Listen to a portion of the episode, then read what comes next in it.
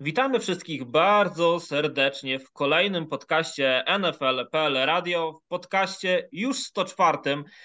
W ostatnich dniach w NFL działo się naprawdę bardzo wiele, tematów jest mnóstwo, a słyszymy się dzisiaj w składzie. Ja nazywam się Karol Potaś, a wraz ze mną są Maciej Zając. Dzień dobry, cześć. Kuba Kazula. Cześć wszystkim. I Hubert Gawroński. Cześć wszystkim. E, na naszej grafice głównej widzicie temat franchise tag. Od niego dzisiaj zaczniemy i trochę o nim pomówimy. Będzie też ogromna dawka wiedzy kontraktowej, no bo grube ryby trafiły na rynek. E, Derek Carr znalazł swoje miejsce w NFL, ponadto dwóch innych rozgrywających podpisało duże kontrakty. No ale mamy też trzy tematy od naszych patronów. E, temat o Chicago Bears, temat o Philadelphia Eagles i temat o Cincinnati Bengals. E, dawka wiedzy szykuje się w tym podcaście przepotężna, ale zanim rozpoczniemy na dobre dyskusje, chcielibyśmy podziękować naszym 12 patronom, którzy wspierają nasz projekt, wspierają projekt NFL Polska, e, w tym między innymi w naszym najwyższym jakby progu e, Maćkowi Krzywdzie i Przemysławowi Nowakowi. Nie ukrywamy, Patronite to jest dla nas coś, co pozwala nam istnieć, pozwala nam się rozwijać, funkcjonować, coraz bardziej dostarczać coraz lepsze jakościowe treści. Zachęcamy Was, byście dołączyli jeszcze, jeżeli się zastanawiacie, czy warto, czy nie, posłuchajcie też tego podcastu i naszych ostatnich produkcji. Szykujemy też podcast specjalny od wtorku, bo takim ogłoszeniem, które myślę możemy tutaj przekazać już na starcie jest to, że, że dołącza do nas Witek Cebulewski i będzie e, podcast specjalny, który będzie czymś, co będzie budować też e, NFL i pozycję NFL gdzieś może w przyszłości, bo to będzie też trochę taka lekcja historii, ale, ale o szczegółach e, z pewnością dowiecie się, jak już będziecie, będzie Witek na łączach. Planujemy pierwszy podcast w przyszłym tygodniu. O szczegółach związanych z tym podcastem e, mogli też się już dowiedzieć nasi patroni. Wy, jeżeli nie jesteście jeszcze naszymi patronami, mecenasami naszego portalu też się dowiecie w najbliższym czasie. Doprecyzowujemy jeszcze ostatnie plany, e, ale będzie to fajna lekcja historii po wydarzeniach, po spotkaniach, po zawodnikach, e, których liga nie może zapomnieć i chcemy, żeby nowi fani ligi NFL, jeśli nie znają tych nazwisk, to żeby się z nimi zapoznali, tych zdarzeń, tych miast, tematów będzie naprawdę bardzo dużo podcast trochę historyczny, ale też taka trochę lekcja dla tych nowych wchodzących e, fanów Ligi Futbolu, Amerykańskiego, ale o tym, tak jak wspominałem, będziemy mówić e, już z Witkiem, jak Witek będzie z nami na łączach na dzisiaj. Natomiast dzisiaj skupiamy się na tym, co jest aktualne, bo, bo w lidze NFL dzieje się naprawdę bardzo dużo. E, zakończył się okres, kiedy można było dawać franchise tagi, czyli podpisywać, znaczy gwarantować zawodnikom e, umowy jednoroczne y, i zobaczymy jeszcze, jak z tymi umowami jednorocznymi będzie, bo może okaże się, że te umowy jednoroczne, te franchise tagi prze, zmienią się w umowy wieloletnie, ale o tym już myślę właśnie porozmawiamy w tej dyskusji. Na wstępie może tylko przeczytam, kto jest właśnie związany na tą umowę jednoroczną ze swoją drużyną, obecną drużyną, na wyłączny franchise tag i na niewyłączny. Może ten niewyłączny, najgłośniejszy, Lamar Jackson, o czym, dlaczego jest niewyłączny też za chwilę. Ponadto ze swoimi drużynami na umowy roczne w pełni gwarantowane związani są Saquon Barkley, e, New York Giants, Tony Pollard Dallas Cowboys, Josh Jacobs z Las Vegas Raiders, Ivan Ingram Jacksonville Jaguars i Daron Payne Washington Commanders. I zaczniemy od Lamara Jacksona. Tak jak wspomniałem, Lamar Jackson to jest ten przypadek, gdzie ten tak jest niewyłączny. Oznacza on, że Lamar może negocjować z nowymi drużynami, może negocjować nowy kontrakt i jeżeli się dogada, na przykład z takimi New York Jets, e, tutaj akurat mają wakat na miejscu quarterbacka, dlatego i wymieniłem, a pewnie to nie jest najlepsze miejsce dla Lamara, e, ale gdyby Jets chcieli pozyskać Lamara Jacksona, oferują mu nowy kontrakt i e, dwie pierwsze rundy dla Baltimore Ravens idą w rewanżu. Oczywiście ten nowy kontrakt, który zaoferują dla Lamara Jacksona, trafia też na stół Baltimore Ravens. Baltimore Ravens mogą go przyjąć i wtedy Lamar zostaje u nich, a jeżeli Baltimore Ravens nie przyjmuje tego kontraktu, to Lamar Jackson melduje się w New York Jets, a Jets oddają do Ravens dwie pierwsze rundy. Tak w skrócie mniej więcej wygląda ten niewyłączny franchise tak Lamara Jacksona i o tym chciałbym na starcie pomówić, bo o tym też mówiliśmy e, przed dwoma tygodniami. E, zastanawialiśmy się, co z tym Lamarem Jacksonem. Mówiliśmy, że ten związek to już trochę taka raczej rozwiązła sytuacja, że te obie strony będą starały się doprowadzić do jakiejś wymiany. Tej wymiany przed okresem franchise tagów nie było, a więc Lamar Jackson na razie, na papierze jest w Baltimore Ravens. Czy jesteście tym zaskoczeni? Może Kuba? Nie, na razie nie jestem tym zaskoczony w ogóle, bo e, znaczy zaskoczony jestem może tym, jak, jak do tego na razie dochodzi, bo e, po tym jak Ravens dali Lamarowi ten nieekskluzywny franchise, tak to wydawało się, że kilka drużyn chociaż spróbuje zaoferować mu kontrakt. E, bo no, jeśli mówimy o franchise QB, a w tym wypadku mówimy o franchise QB, no to duży kontrakt i dwie pierwsze rundy, to myślę, że drużyna, która rozgrywającego nie ma, chętnie zapłaci. Zresztą widzieliśmy to w poprzednich latach, bo i e, Deshaun Watson, Matthew Stafford, Russell Wilson, oni wszyscy byli droż, drożsi, jeśli chodzi o Carson, mm, Carson o Wentz to była jedna pierwsza runda, nie? No, to no ale Carson, gdzie jest Carson Wentz, a gdzie no jest właśnie, Lamar Jackson, więc, no o czym my rozmawiamy? Właśnie, no tak, ale no to tylko jeszcze jedną pierwszą rundę i masz młodego Lamara. No to jest po prostu tak, promocja. No tak, no Bierzesz tutaj, Lamara, to jest promocja. No tutaj, tutaj dziennikarze ze Stanów przewidują małą zmowę właścicieli NFL, że wiadomo było, że Lamar reprezentuje się sam i nie ma agenta. To jest jedna rzecz, której właściciele nie lubią. E, druga rzecz jest taka, że on chciał w pełni gwarantowanego kontraktu, a wiemy doskonale, że. To jest rzecz, której właściciele nie lubią której właściciele nie lubią bardzo i nie chcą tego, nie chcą tego precedensu. Oczywiście ten precedens już jest, ponieważ Deshaun Watson ma w pełni gwarantowany kontrakt, ale tam właściciele Browns e, pospieszyli się trochę w desperackim ruchu, bo z tego co pamiętamy, to pojawiły się już informacje, że Watson trafi do Atlanta Falcons.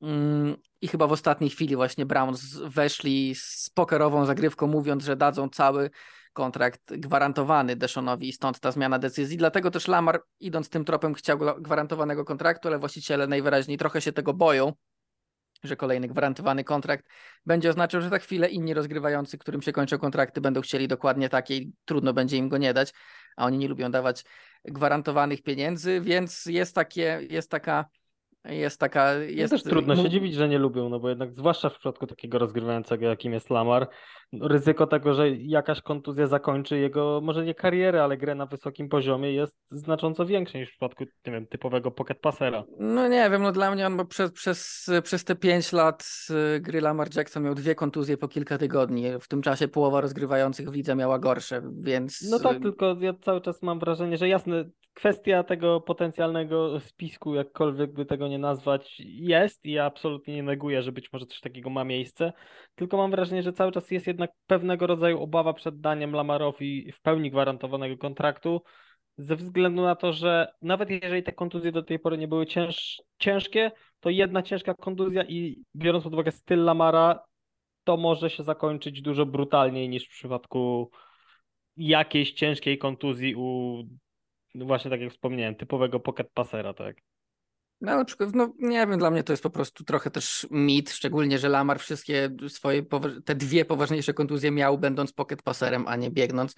To, jed, to jedna sprawa. No a dwa, że tu nie, nawet, nawet, nawet nie chodzi do końca o te, mm, o te pieniądze, a o to, że E, nikt z nim nawet nie chciał porozmawiać i to, to w, tym się, w tym doszukują się spisku dziennikarze z tego względu, że w momencie jak pojawiła się informacja, że Lamar otrzymuje franchise, tak, to dosłownie w ciągu pół godziny od tej informacji już wszystkie drużyny dość oficjalnie zdążyły zakomunikować, że nie są zainteresowane i to te drużyny, o których myślelibyśmy, że byłyby zainteresowane na czele z Atlanta Falcons, którzy ponoć rozmawiali wcześniej z Ravens o wymianie Lamara, więc nawet w tym możemy, moglibyśmy stwierdzić, że są zainteresowani no nie chce mi się wierzyć, że mamy 26-letniego byłego MVP, z którym, do którego nikt nawet nie chce zadzwonić i zapytać, bo może już nie chce w pełni gwarantowanego kontraktu, no może chodzi... był w stanie...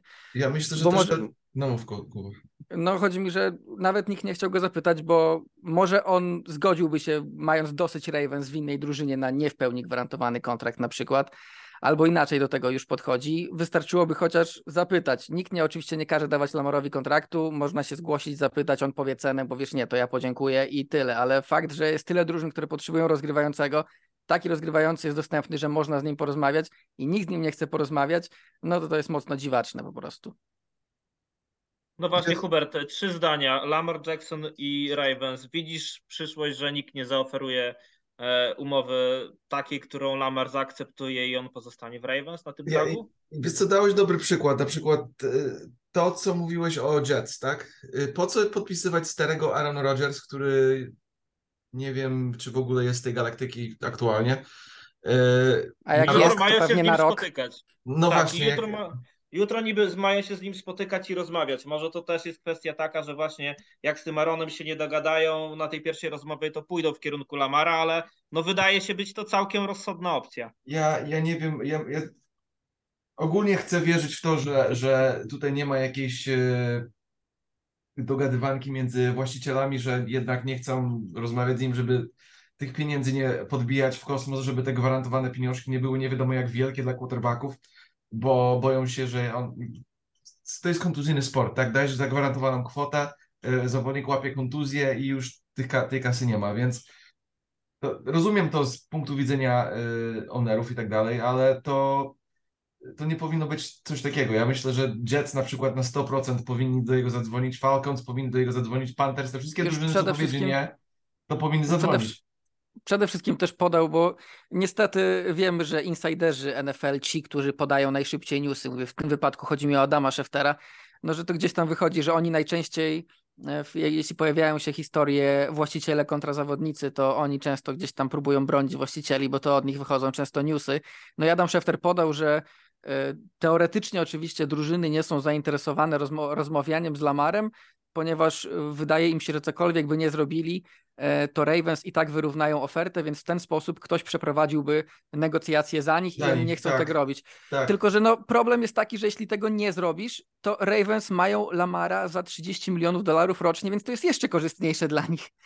Więc e, gdyby jakaś drużyna dała Lamarowi powiedzmy wysoki kontrakt warty 50 milionów rocznie, bo jestem w stanie, sobie w stanie to wyobrazić i Ravens by to wyrównali, no to okej, to wtedy Ravens muszą płacić gruby hajs, ale jeśli tego nikt nie zrobi, no to lepiej dla Ravens, bo oni wtedy go mają na rok za 30 i mogą za rok znowu mu dać taga, który i tak będzie niższy od najlepszych kontraktów na rynku, więc y, ja tego nie kupuję, jeśli chodzi o, to, co, o to, co powiedział Adam Schefter, szczególnie, że Ravens wcale nie mają jakiejś super ekstra wybitnej sytuacji w cap space'ie, więc na przykład tacy Falcons mogliby tak skonstruować ten kontrakt, żeby Ravens mieli bardzo duży problem, żeby go wyrównać. E, Bo mogliby na przykład dać strasznie dużo pieniędzy w pierwszym roku i Ravens nie byliby w stanie zmieścić tego w swoim kapie i żeby to zrobić musieliby, nie wiem, zwalniać zawodników. I to już wtedy byłby, byłby na pewno duży problem. W każdym razie no, sytuacja jest dziwna. Gdyby było tak, że Lamar otrzymuje ten tak, rozmawia z drużynami, nawet niekoniecznie ktoś y, musiałby składać ofertę. Y, Po prostu, żeby wiedzielibyśmy, że rozmawia z drużynami i ostatecznie do niczego nie dochodzi, okej, ja z tym nie mam żadnego problemu, ale fakt, że tyle drużyn potrzebuje rozgrywającego, taki rozgrywający jest dostępny i nikt z nim nawet nie rozmawia, a jeszcze w ciągu pół godziny po tym, po, po tym wszyscy nagle mówią, że nie, my nie jesteśmy zainteresowani, tak. I to jeszcze drużyny, które od lat nie miały dobrego rozgrywającego, nawet nim nie porozmawiają, no to nie, to, to jest trochę dziwaczne i, i tu się trochę zgadzam, że, że ci właściciele troszkę w tym, troszkę w tym palcem maczali, przynajmniej kilku z nich. No właśnie, ale Hubert, y, Ravens i Lamar Jackson, widzisz, że to jeszcze będzie klikać ze sobą ten związek? Ja myślę, że to jest tylko kwestia pieniążków. Dają, dadzą mu kasę, on nie ma problemu. Tam nie ma żadnych, y, żadnych jakby złych uczuć oprócz finansowych, więc jakby dali mu kasę, z którym by się zgadzał. Ja, ja No ogólnie nie wiem, czy nie ma jakichś złych uczuć tam. Były w, już po, po zakończeniu sezonu ale to o? To wszystko Ale jest żeby Dużo finansowe. zawodników były tweety, że generalnie oni nie trzymają grał, nie? stronę Lamara, a nie kogoś tam, że z kolei druga strona właśnie, że Lamar mógł grać, a nie chciał. Więc Mm. tam moim zdaniem wcale nie ma takiej dobrej atmosfery, jak, jak mówisz. To jest atmosfera, która się jak najlepiej, y, jak najszybciej rozpogodzi w momencie, kiedy dostanie Lamar kasę. I No tak, to akurat pieniądze w NFL rozwiązują bardzo dużo problemów. tak, w życiu też, ale, ale, To też prawda. To, ale, to, to fakt.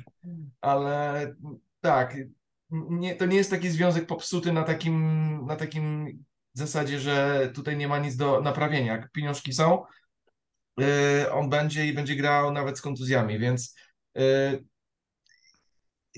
to, co zrobili z tym tagiem, się, z ich punktu widzenia się zgadzam, bo może oni według ich starają się jak najbardziej dać mu fair yy, kwotę, kontrakt, on się nie zgadza, nie zgadza, nie zgadza. Okej, to zrób co chcesz. Szukaj swojego, swojego Znaczy z kontraktu tyle. perspektywy, z perspektywy Ravens to jest świetna opcja, bo e, właśnie oni w ten sposób wypuścili go, żeby po pierwsze zobaczył swój rynek, e, sprawdził jak to wygląda, a po drugie właśnie, że skoro oni się nie potrafią dogadać, to niech ktoś zrobi tę robotę za nas, a my to wyrównamy na tej zasadzie. A jeśli ktoś mu da jakieś ogromne, ogromne pieniądze i w pełni gwarantowany kontrakt, no to Ravens stwierdzają, no trudno, my byśmy tego i tak nie dali, bierzemy dwie pierwsze rundy. No i, i o to chodzi. To, to, to jest wszystko, co tutaj się dzieje, oprócz tego, że bardzo dziwnie innej drużynie nie chcą wejść w negocjacje, to, to jest to. Ale myślę, że z ubiegiem czasu desperacja będzie większa, zniknie y, Aaron Rodgers, zniknie y, potężny No właśnie to jest... Jimmy Garoppolo i nagle Wydaje taki... mi się, wydaje mi się że, że ten przykład Karola wcale nie byłby taki, taki zły, bo oczywiście Jets są w tej chwili faworytem, jeśli chodzi o Arona Rodgersa i wszy- wszystko wskazuje na to, że no, może by poszedł tam, ale gdyby się nagle okazało, że Rodgers zmienił decyzję, to Jets wchodzą w tryb absolutnej desperacji. Wtedy bym się nie zdziwił, czy Zmiana decyzji u Arona Rodgersa byłaby szokująca. A ogólnie, ogólnie też chodzi o to, że ich właściciel powiedział, że oni są o, rozgrywający od by, byciem bardzo dobrym playoff teamem. Ja się z nim zgadzam. Ale on to powiedział na, na różnych już mediach społecznych, czy tam do reporterów i tak dalej, więc to jest znana rzecz. Więc jakby Aaron odpadł. On nie i- powiedział też, że Derek Carr wchodzi do Hall of Fame po sukcesie z Jets?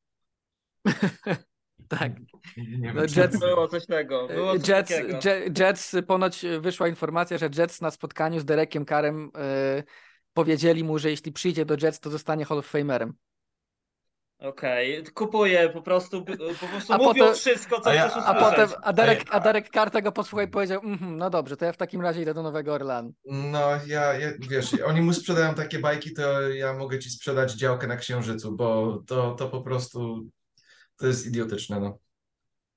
Okej, panowie, ale e, pomówmy też trzy słowa o innych nazwiskach, bo Daron Payne to mówiliśmy już o tym, że, że to się raczej wydarzy, o Jaguars i Iwanie Gramie również. E, jeśli chodzi o Saquona Barclaya, Tanego Pollarda i Josha Jacobsa, mówiło się dużo o nowych umowach gdzieś tutaj. E, ostatecznie nikt z tej trójki nowych umów, przynajmniej na teraz, nie dostał. No ale właśnie Tony Pollard z nowym kontraktem, czy to znaczy, że Zeki Elliott e, żegna się z Cowboys, czy, czy nie? Nie, nie żegna się, bo Dallas y, jego bardzo ceni, Jerry Jones traktuje s, y, swoich draft Znaczy nie, nie Dal, właśnie nie Dallas, tylko Jerry Jones, bo myślę, że inni to by się chętnie z nim pożegnali. Oczy, oczywiście, że tak. To, jest, to już jest zjechany running back, który... Mi brakuje do powinien- kompletu tylko, żeby w pierwszej rundzie wydraftowali running backa. No nie. To są takie idiotyczne ruchy, co oni robią. Mimo wszystko, roster building w Dallas to nie jest taka zła rzecz, bo ogólnie mają dobre rostery, ale no, za mój, ja nie rozumiem ruchu, żeby, żeby z franchise tagować y, Polarda, ogólnie running backa. Tyle się nie powinno płacić dla running backa, jak y, Saquon 10 Barkley. milionów. Jeszcze to nie jest taka straszna. Myślę, że na rynku, znaczy Ja, zależy y, przepraszam, przepraszam bardzo. Ja jako jeden z największych fanów Tonego Polarda prawdopodobnie na świecie, Mm. chciałbym tylko powiedzieć, że w drafcie w trzeciej rundzie bierzesz zawodnika na podobnym poziomie. Tak, Nie musisz tagować do tego Tonego Polarda. A jak Zwłaszcza chcesz, w takim drafcie jak w tym roku, gdzie klasa running backów jest fantastyczna. tak, albo Bijan Robinson w pierwszej rundzie pod koniec i masz y, po prostu gwiazdę. Ale No, to się. To na I razie tak, są i tak, tak, tak, i tak, tak Mhm. dla Tonego Polarda jest jak tylko w 10% równie złym kontraktem, co ten sześcioletni dla Zika, także No tak, no Chciał- to nawet nie jest blisko tego poziomu. to nie jest jeszcze kompromitacja, te 10 milionów, może jeszcze to podbiją jakoś umową i, i, i to, się, to się wszystko gdzieś tam porozkłada, bo myślę, że jednak wszyscy wiedzą, że Tony Pollard to jest przyszło Dallas Cowboys, a tego Zeka trzeba gdzieś upchnąć i, no, i coś z nim robić.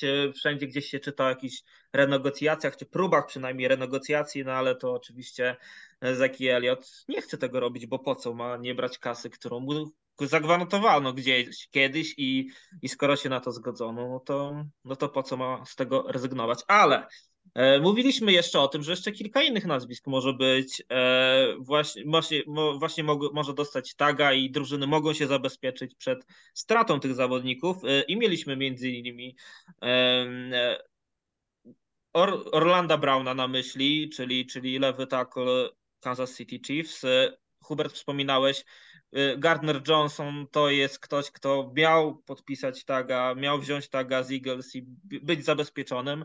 Dremont Jones to jest zawodnik, który też się przewijał wielokrotnie w dyskusjach, czy Broncos właśnie e, nie zdecydują się tutaj na taga. Mm, też widziałem, że e, Jonathan Jones, czyli corner Patriots, to też było nazwisko, które gdzieś tam było wymieniane.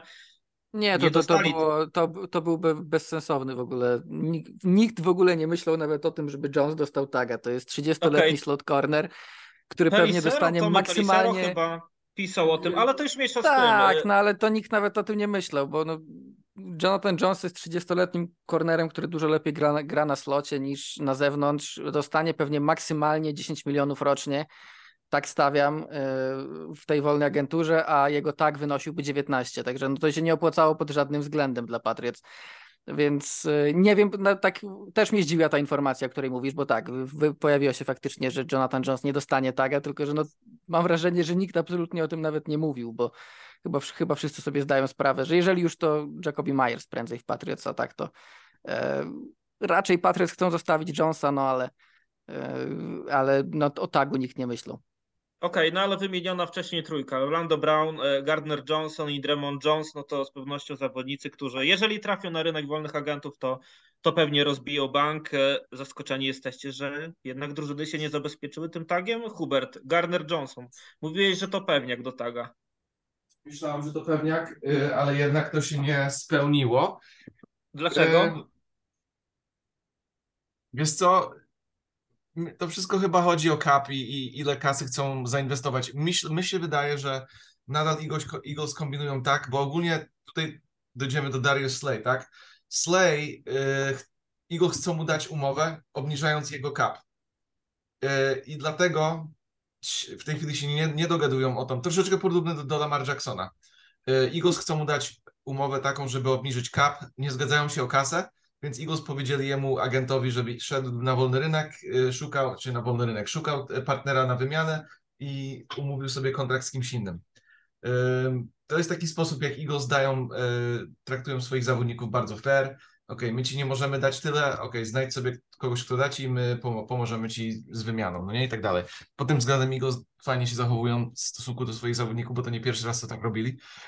A druga kwestia jest taka, że jakby się udało to, ten cap zniżyć, już zniżyli Kickera o 2 miliony oszczędności i potem jeszcze chyba będzie Lane Johnson i, yy, i chyba ktoś jeszcze tam jest takim oczywistym kandydatem na, na restructure, co stworzy jeszcze więcej tego miejsca pod capem dla Eagles, co oszczędzą jakieś 30 milionów. I wtedy teoretycznie będziemy mogli dać Gardnerowi Johnsonowi Y, te, ten długi kontrakt nie, nie, nie franchise tagowy, który może z roku na rok będzie niższym, niższym cap hitem niż jednora, jednorazowy, jednorazowa y, taga, tak?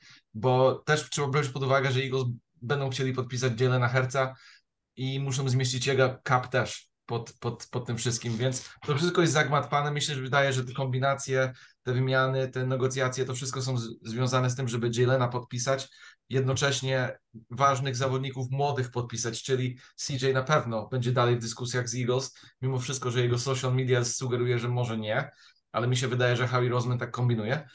E, po drugie, no jeszcze jest Javon Hargrave, którego mi się wydaje, że 50 na 50 zostanie, może nie, a Slay i Bradbury raczej odpadają.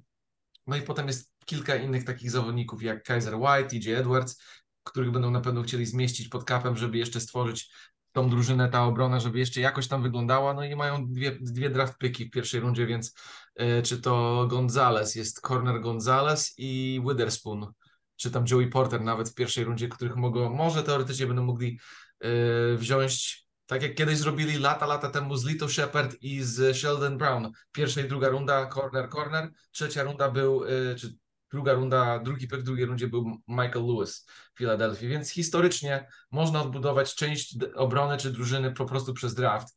I, I Dallas nawet tak zrobili z ofensyw, linią ofensywną, że praktycznie całą wydraftowali, więc mi się wydaje, że takie podejście może być. Starają się kreować miejsce pod kapem, starają się stworzyć coś, tak, taką sytuację, gdzie będą mogli podpisać ważnych młodych, młodych zawodników, a z niedoświadczonymi, z, doświadczonymi starszymi po prostu będą musieli się pożegnać. Przynajmniej będą komp pyki za te stracone zawodniki i jakoś wyjdzie. No.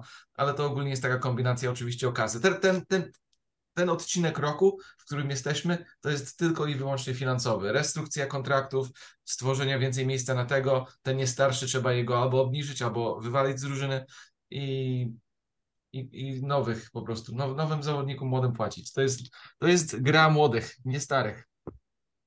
Maciek, siwiejesz na myśl o tym, że tracicie lewego takla Orlando Browna? Najpewniej, no bo pewnie on rozbije bank, dostanie jakąś niesamowitą fortunę. No, teoretycznie Chiefs tam ponoć też mają jeszcze z nim gadać, więc tak, no nie Chiefs, wiadomo. Y, Chiefs są chętni do dalszych rozmów z Orlando Brownem. Jedno wiadomo, że, że taga nie ma i jestem trochę zaskoczony, że nie ma, bo, bo mimo wszystko byłem niemalże pewien, że, że ten tak będzie klepnięty i damy sobie więcej czasu na, na podpisanie Orlando na jakimś sensownym kontrakcie. Natomiast, przepraszam, informacja o tym, że taka nie będzie, wyszła dosłownie chwilę po tym, jak zakończyło się spotkanie między, między Orlando a, a sztabem Chiefs, więc zakładam, że tam albo ustalono, że okej, okay, nie jesteśmy w stanie dać ci takich pieniędzy, jakich oczekujesz, idź na rynek, sprawdź, czy ktoś ci takie da, jak nie, to od nas masz tyle i, i możesz przyjść, możemy się, możemy się dogadać. Na rynku podejrzewam, że ktoś da mu tyle, ile on chce, bo, bo lewy tak to jest jednak pozycja premium, a, a są na rynku drużyny, które mają dużo miejsca w kapie i potrzebę na lewym taklu. Więc, więc wątpię, żeby Chiefs udało się mimo wszystko wywalczyć jeszcze Orlando Browna. Myślę, że trafi ostatecznie zapewne do Bears, bo to jest drużyna, której brakuje liniowych i która ma w tej chwili znaczy, chyba, zdecydowanie Bears, najwięcej. O Bears, o jeszcze porozmawiamy, ale Bears mają tyle cap space'u, że w sumie przy każdym zawodniku jakimś większym w tej wolnej agenturze możemy powiedzieć, no pewnie trafi do Bears. To prawda, to, to, prawda. to jest prawda, natomiast no Orlando Brown wydaje się takim bardzo obvious pickiem, bo, bo to jest pozycja, której w, w Chicago brakuje, Orlando chce zarobić dużo pieniędzy. To się idealnie zazębia, więc jeżeli, jeżeli Orlando trafi do, do Bears, to nie będę absolutnie zaskoczony. E, Chiefs też mają jeszcze jedną stratę. To jest Frank Clark, który, który też został zwolniony z Chiefs. Też drużyna nie zamknęła sobie drogi, bo tam padały hasła, że, że jest dalej chęć podpisania z nim jakiegoś kontraktu. Jeżeli nie dostanie jakichś olbrzymich pieniędzy na rynku, no ale to tak jak powiedział Hubert, to jest ruch typowo pod y, ogarnięcie budżetu, no bo jednak wycięcie Franka Clarka daje 20 milionów w cap space. Frank Clark był fantastyczny w playoffach, ale 20 milionów w cap space w sytuacji, w której no trzeba będzie niedługo paru zawodnikom zapłacić, zwłaszcza, że te dwie dobre klasy draftu Chiefs niedługo wchodzą w okres, kiedy można im dawać pieniądze. To jest, to jest y, to jest coś, czym absolutnie czym absolutnie trzeba było się liczyć i, i mówiło się o obcięciu Franka Clarka już w zeszłym preseasonie. Został, przyjął drobną obniżkę kwot, obniżkę pensji. Teraz już nie został. Być może wróci, być może będzie jeszcze podpisany, natomiast tutaj też nie zdziwię się, jeżeli ktoś zapłaci mu solidne pieniądze, bo to nadal jest zawodnik, który jest, jest w stanie dać z siebie sporo, zwłaszcza kiedy mu się chce bo, bo są tak, bo po, po Franku widać, że to jest zawodnik, który kiedy mu się chce, to gra na niesamowitym poziomie. Jego mecze w playoffach to jest, to, jest magia i to można oglądać godzinami. A w sezonie zasadniczym trudno znaleźć kilka dobrych zagrań w jednym meczu, więc no. To jest to tego prawda. typu zawodnik, więc raczej nie polecam do Raiders. E, Kuba, trzy słowa. Dremont Jones e, to też zawodnik, który pewnie rozbije bank. Jesteś zaskoczony, że Broncos się go pozbyli? Nie, to znaczy no, przede wszystkim no, musimy pamiętać, że zawsze ci zawodnicy jeszcze mogą wrócić, jak się sytuacja wyklaruje, to raz. Ale nie, w przypadku Dremonta Jonesa nie byłem zaskoczony, bo to nie jest zawodnik aż takiego kalibru jak, jak Orlando Brown i CJ Gardner Johnson. Przy tych dwóch faktycznie wydawało mi się, że mogą te franchise tagi otrzymać. Dremont Jones wydawało się y, już jakiś czas, że, że albo, no, albo po prostu z, Broncos podpisze długoletni kontrakt, albo odejdzie, że taga to chyba nie ma tutaj co dawać, szczególnie, że Broncos też są w sytuacji zmian bardzo dużych i wydaje się, że ta obrona była na tyle mocna rok temu, że i nawet bez remonta Jonesa sobie poradzą, a Jones faktycznie mm, faktycznie ma dostać duże pieniądze, więc on chętnie sprawdzi sobie ten, e, ten rynek, bo to jest taki, no taki zawodnik, to nie jest takie nazwisko, o którym się, o którym się dużo mówi, to jest defensive tackle, mm, też nie jest to taki defensive tackle, jak nie wiem, jak Chris Jones czy Aaron Donald, żebyśmy aż tak dużo o nim wiedzieli, ale to jest naprawdę, e, naprawdę dobry zawodnik w tym wypadku i E, tacy zawodnicy, defensive tackle są w lidze potrzebni. Jest wiele drużyn, które ma problem ze środkiem linii defensywnej i nawet Tom Pelisero, wspomniany przez Ciebie wcześniej, napisał taki artykuł, w którym umieścił kilku zawodników, którzy dostaną więcej pieniędzy niż na ten moment nam się wydaje i Dremont Jones tam był, także wydaje się, że on razem z, z Javonem Hargrave'em z Eagles to będą dwaj defensive tackles, którzy otrzymają najwięcej pieniędzy e, w wolnej agenturze w tym roku. Okej, okay, to wybijamy się z tego rytmu franchise tagów, a przechodzimy do kontraktów, kontraktów rozgrywających, a zaczynamy od Dereka Kara w Nowym Orleanie. Dużo mówiło się o tym, że Derek Carr tam trafi jeszcze będąc, e, w, jeszcze jak był Derek Carr w Raiders, że może będzie to jakaś wymiana, że może jakiś pik Saints oddadzą i wezmą ten kontrakt Raiders, ale ostatecznie Derek Carr został zwolniony. Oni podpisali, e, podpisali Dereka Carra, kontrakt czteroletni, chociaż praktycznie to trzyletni. Warty 150 e, milionów gwarantowana stówka, średnia roczna pensja 37,5 miliona. E, zszokowani jesteście tym, że on tam trafił? Troszkę się w mediach o tym wszędzie pisze i też nawet chyba fani Saints nie do końca są jednoznacznie e, nie, nie, nie, nie do końca jednoznacznie oceniają ten ruch, bo to jest ruch, który gdzieś Saints przez kolejne trzy lata najpewniej ustawia w takiej roli, że znowu będą budować ten swój salary cap, ten budżet na sezon i w sumie nie wiemy, czy pójdą do przodu, czy, czy jakieś wielkie przebudowy z Derekiem Carrem w składzie raczej oczekiwać w Saints nie możemy. No ale jak wy to widzicie, może Hubert, Derek Curry Saints, byłeś zszokowany, że to się wydarzyło i czy nie? Twoja konferencja w sumie. Moje, mhm. w moim, w moim ja, ja w ogóle myślałem, że to nie robiło sensu, ale tak pomyślałem o tym, że y, Dennis Allen był kiedyś przez parę meczy w Raiders i oni chyba są kumple. I On przez... go wydraftował chyba w ogóle. Dennis Allen? jak był head coachem, to właśnie wtedy Raiders wydraftowali, A, wydraftowali Kara. To, to, to robi dużo sensu, tylko czy Dennis Allen jest dobrym trenerem? Czy on się kierował... No to inna kwestia. Czy on Otóż się... odpowiedź brzmi raczej nie. No i właśnie Nie wiem, ale się domyśla. Czy, czy, on, czy, on, czy on po prostu szukał pępowiny takiej, żeby znaleźć się w miejscu, gdzie, gdzie zna? Lubię, bo znaczy, znam. Czy nie jest... ja, ja, ja mam takie wrażenie, że to jest trochę y, podpisanie Dereka Kara, bo w tak fatalnym NFC South Derek Carr jest wystarczający, żeby to wygrać, I, i, i a trochę głupio zwalniać trenera, który wygrał dywizję. I no moim i to jest, zdaniem to jest wszystko. To jest, to jest ruch Denisa Allena na, na uratowanie swojej posady, bo drugi Takie taki, sezon, drugi taki sezon pewnie zakończyłby się dla niego słabo, a z Derekiem Karem przy takiej dywizji. No jeszcze zobaczymy, co się wydarzy oczywiście mm, przede wszystkim w drafcie, bo tam i Panthers i Falcons są teoretycznie w, w, sytuacji, w której mogą gdzieś tam tych rozgrywających zaatakować, ale no na ten moment Derek Carr jest zdecydowanie najlepszym rozgrywającym w dywizji. E, no tak jak Karol mówił, trochę tutaj nam się rozjechały opinie i ekspertów i kibiców, no bo jedni twierdzili, że no Saints już za długo tak, Saints, że wjeżdżamy już... młodego rozgrywającego, tak? No i że znaczy tak, no, że, Saints już, że Saints, już, Saints już za długo kopią ten kamyczek do przodu z tymi pieniędzmi i co roku muszą się męczyć z tymi restrukturyzacjami i przesuwaniem pieniędzy na przyszłe lata, żeby to miało sens. e, od, dodatkowo od czasu odejścia Drew Breesa na emeryturę ta drużyna wydaje się z roku na rok słabsza. Mm, a dodatku jest to w ogóle statystycznie najstarsza drużyna w lidze, więc to nie jest tak, że tam się, że tam się oni będą wszyscy rozwijać, bo tam, tam raczej się będą zwijać niektórzy zawodnicy niż rozwijać. Dlatego niektórzy uważali, że to jest dobry moment, żeby Saints trochę sobie odpuścili granie o cokolwiek i zaczęli te mm, Ale przebudowy. Saints nie umieją. Tak, ale Saints inaczej nie umieją, a dodatkowo mamy jeszcze tę sytuację w NFC South, gdzie na pewno Denis Allen zobaczył, że jest szansa wygrać dywizję, no to jak jest szansa wygrać dywizję, no to atakujemy tę dywizję i to jest właśnie taki ruch. Jeśli, jeśli faktycznie mają takie podejście, że chcą atakować dywizję, no to okej, okay, to Derek Carr jest naprawdę solidnym ruchem pod tym względem, a to oczywiście, czy, czy powinni atakować dywizję, czy powinni sobie odpuścić sezon czy dwa i od, od, nowa, od nowa ten skład budować, to jest oczywiście inna kwestia, z tym, że no właśnie, tu wchodzi ta kwestia Denisa Allena. Myślę, że Denis Allen po tym pierwszym sezonie doskonale wie, że on nie ma w tej chwili czasu od od managementu Saints, żeby sobie budować na spokojnie, bo jest bardzo blisko tego, żeby siedzieć na gorącym krześle za moment.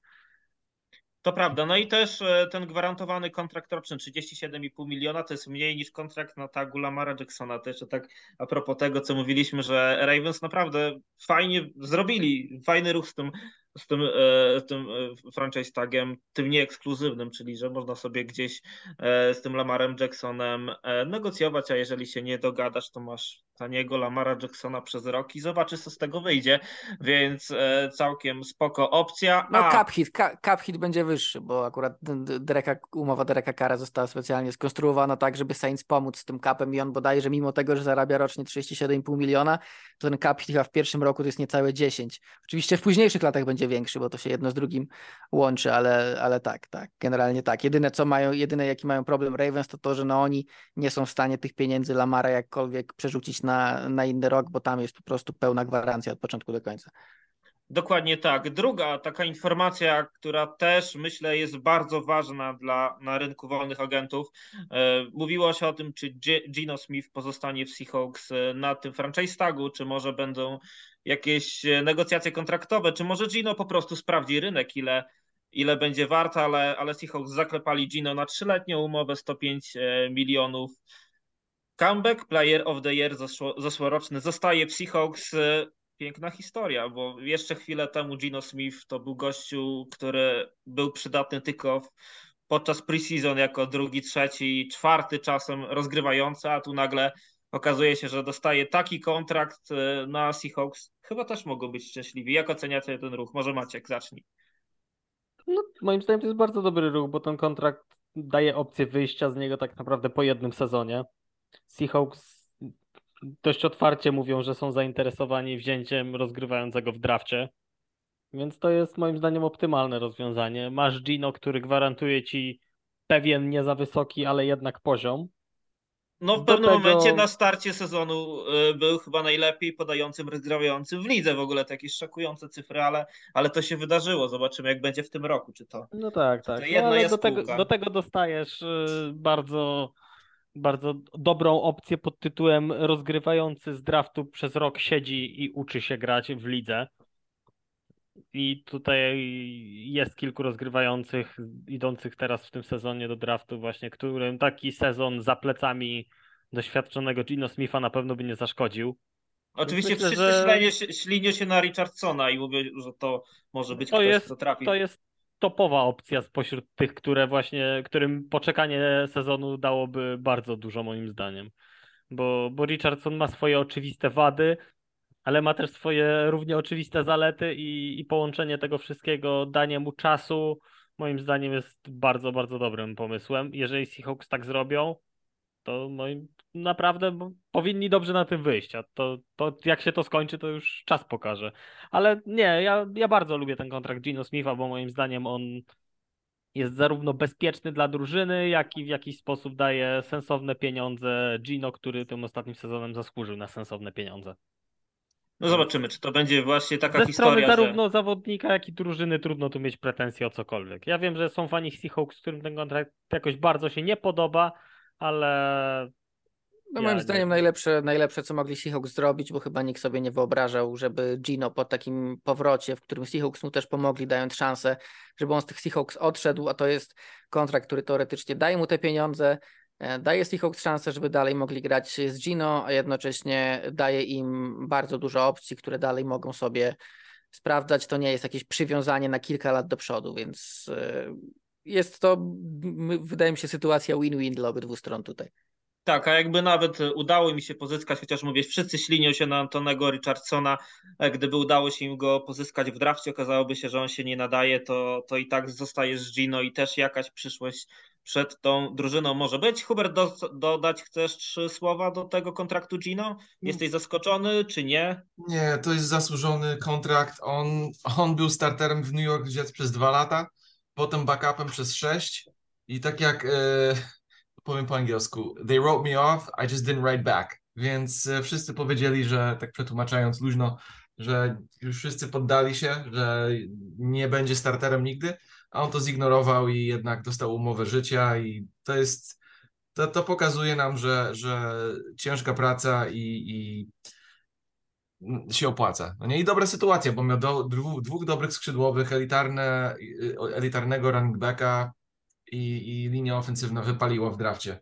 Więc to tak, e, taka... też jest, jeszcze mieli Gaby Jacksona, teraz go nie będzie, zobaczymy. Pewnie go jakoś uzupełnią w drafcie, ale akurat, to też Ga- akurat Gabe Jackson jakoś tam im wielkiego poziomu nie zapewniał, chyba najsłabszy liniowy ich w tamtym sezonie, więc myślę, że Tak, za tym ale akurat no- płakać nie będą.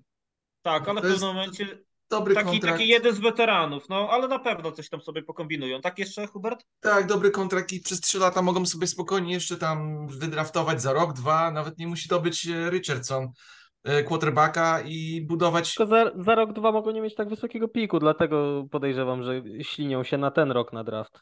Możliwe, że tak. Ja, tutaj nie ma złego ruchu tak naprawdę, bo y, byli w rozgrywkach, mogą dalej drużynę budować, mogą, mogą wymienić ten pyk wysoki na więcej pyków później i dalej budować się mogą.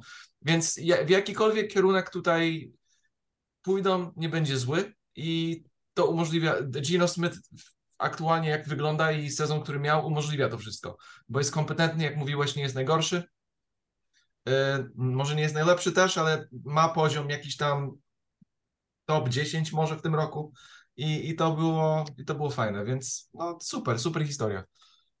Tak, e, Saquon Barkley do- dostał franchise taga, więc było jasne, że, że Giants taga e, Danielowi Jonesowi już dać nie mogą, bo drużyna może dać tylko jednego taga na sezon dla zawodnika, a więc Giants dogadali się z Danielem Jonesem, czteroletnia umowa, e, łącznie 160 milionów dolarów średnio, e, 40 milionów dora- dolarów, e, no i tu Hubert zostaje od razu przy tobie, bo to e, jakby sąsiad z konferencji, tak? Czyli Giants, e, to ich, ich przyszłość to Daniel Jones. E, Czteroletnia umowa. Zyskał w tym sezonie ostatnim bardzo, bardzo, bardzo dużo na wartości. Ale czy tak dużo, by dostać taką umowę i czy jesteś szczęśliwy, że będzie, będą Eagles rywalizować z Giants, którzy będą mieć właśnie Daniela Jonesa? Tak, cieszę się, że ma, będziemy rywalizowali z Daniel Jonesem, y, bo Daniel Jones jak do tej pory pokazuje mi tylko, że jest przeciętny, bezpieczny, rozgrywający, nie jakoś elitarny, nie wiadomo jak rozgrywający. No na pewno sobie zasłużył na tę umowę i, i wycisnął wszystko, co mógł z tej sytuacji, w której był. Y, Trzeba mu dać szacun, że naprawdę poprawił swoje, swój, swoją tendencję do oddawania piłki, czy to fumble, czy to inte. Y, On troszeczkę miał taką, taki problem z fumblami mocny i w tym roku tego nie było, więc dobry trener, kompetentny. ym, Czyli generalnie Dużo- Brian Double y, po raz kolejny jako Geppetto z drewna robi prawdziwego chłopca. Tak, tak. I, i naprawdę tak. I, na, i naprawdę yy, fajnie to wyglądało. Czy, czy to jest dobry kontrakt? Czy to jest kontrakt, który on zasłużył? No troszeczkę przepłacili, ale musieli, bo nie mają wyjścia. Daniel, Daniel Jones nawet jest trochę podobny do Pinokia, do Shreka. Tak, trochę tak. To prawda. Ale przez dłuższy czas mówiliśmy o tym, że jednak Daniel Jones to nie jest długa opcja na, na dłuższą metę dla Giants, że będą szukać kogoś innego, a tak jak mówicie, Brian Double zamienił Daniela Jonesa w rozgrywającego, w którym, w którym warto gdzieś wędrować w dalszą przyszłość.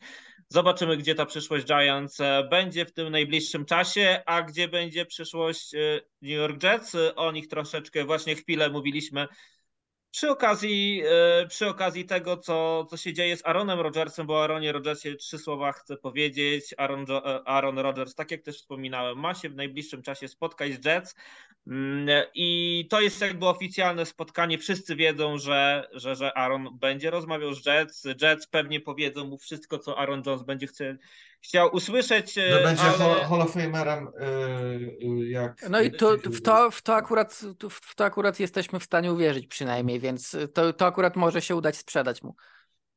Tak, no i jak wy widzicie tę sytuację? Aaron Jones będzie w Jets? Czy nie? Rogers, Rogers. Aaron Rogers, John, tak, John, Jones nie będzie. Ja osobiście A... nie widzę to, bo, bo oni wszystko robią, co mogą, żeby to umożliwić, więc nie wiem czemu on, a nie Lamar, albo nawet y, czemu nie do, doklepali Dereka Kara, y, bo tutaj okienko jest małe, rok, dwa i Aaron Rodgers się robi hip, no, tym hipicem. To jest, to jest nie, nieprze, nieprzewidywalne, ale to, to jest nieprzewidywalne, ale wydaje się w tej chwili prawdziwe, bo Jets po tym jak Derek Carr podpisał kontrakt z Saints, oni na pewno mają taką mentalność w tej chwili, że oni potrzebują rozgrywającego, bo ich obrona rok temu była mocna, więc oni chcą powalczyć o coś w końcu po tylu no latach. I, ogólnie wszystko było mocne. Skrzydłowy był mocny, był dobry running Tak, no tutaj... linię ofensywną muszą trochę poprawić na pewno, ale poza tym, poza tym wszystko wygląda naprawdę, Czy naprawdę solidnie. jeszcze kiedyś będzie zdrowy? E, właśnie wstawił wczoraj zdjęcia, gdzie wygląda na to, że sporo zbił z tej wagi, z której wszyscy mówili, że to ta waga często była problem z kontuzjami, że on trochę z niej zbił, więc jest szansa.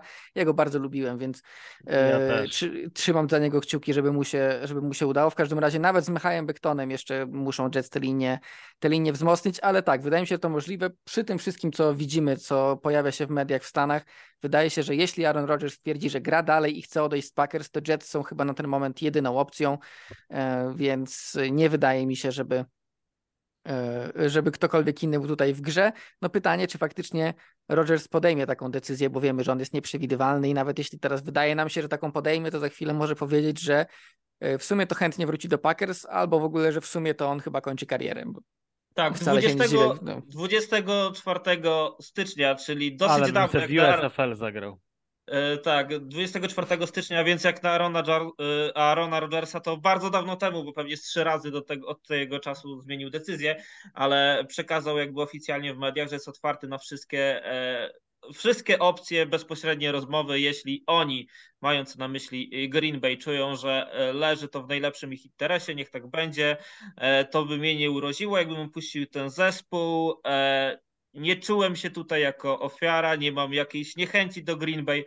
E, czuję się z tym ok, jak odejdę z Green Bay. No ale to mówię, od 24 stycznia to mogło się bardzo dużo zmienić e, u Arona Rodgersa, ale faktem jest, że ten związek już rok temu gdzieś przeżywał poważny kryzys i jeżeli okaże się, że znowu Aaron Rodgers zostanie w Packers, to nie wiem, czy dla samych Packers jest to dobra opcja, a wszyscy też nie, no, nie wiemy, co będzie z Jordanem Love'em, bo no, myślę, to wydaje się z kombajnu, problem, bo... Z kombajnu mhm. wychodziły informacje, że Rodgers, jeśli zdecyduje, że, że chce wrócić do Packers, to Packers średnio chcą, żeby Rodgers do nich wrócił, więc E, już tak jakby, tak jakby Packers się przyzwyczaili do tej myśli, że jego nie będzie i że oni będą mieli okazję spróbować tego Jordana Lowa, no ale ogólnie tam jest sytuacja skomplikowana bardzo mocno w związku z tym i spory tak, też no i tutaj... E, mhm. spory też dead cap e, zostawi, zostawi Rodgers Packers, jeśli odejdzie, dlatego i teoretycznie będą mieli Jets problemy z capem na pewno, żeby go zmieścić trochę, a,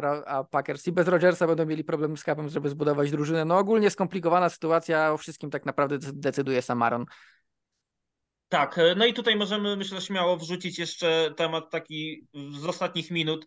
Wiemy, że tu o Tagovailoa Chyba jeszcze to nie jest oficjalnie ogłoszone przez zespół, ale, ale już tutaj insiderzy z NFL informują o tym, że dostanie tą opcję piątego roku, i, czyli najbliższe dwa lata to, to, to Miami Dolphins. Czy jesteście tym zaskoczeni, Maciek? Nie, nie, absolutnie.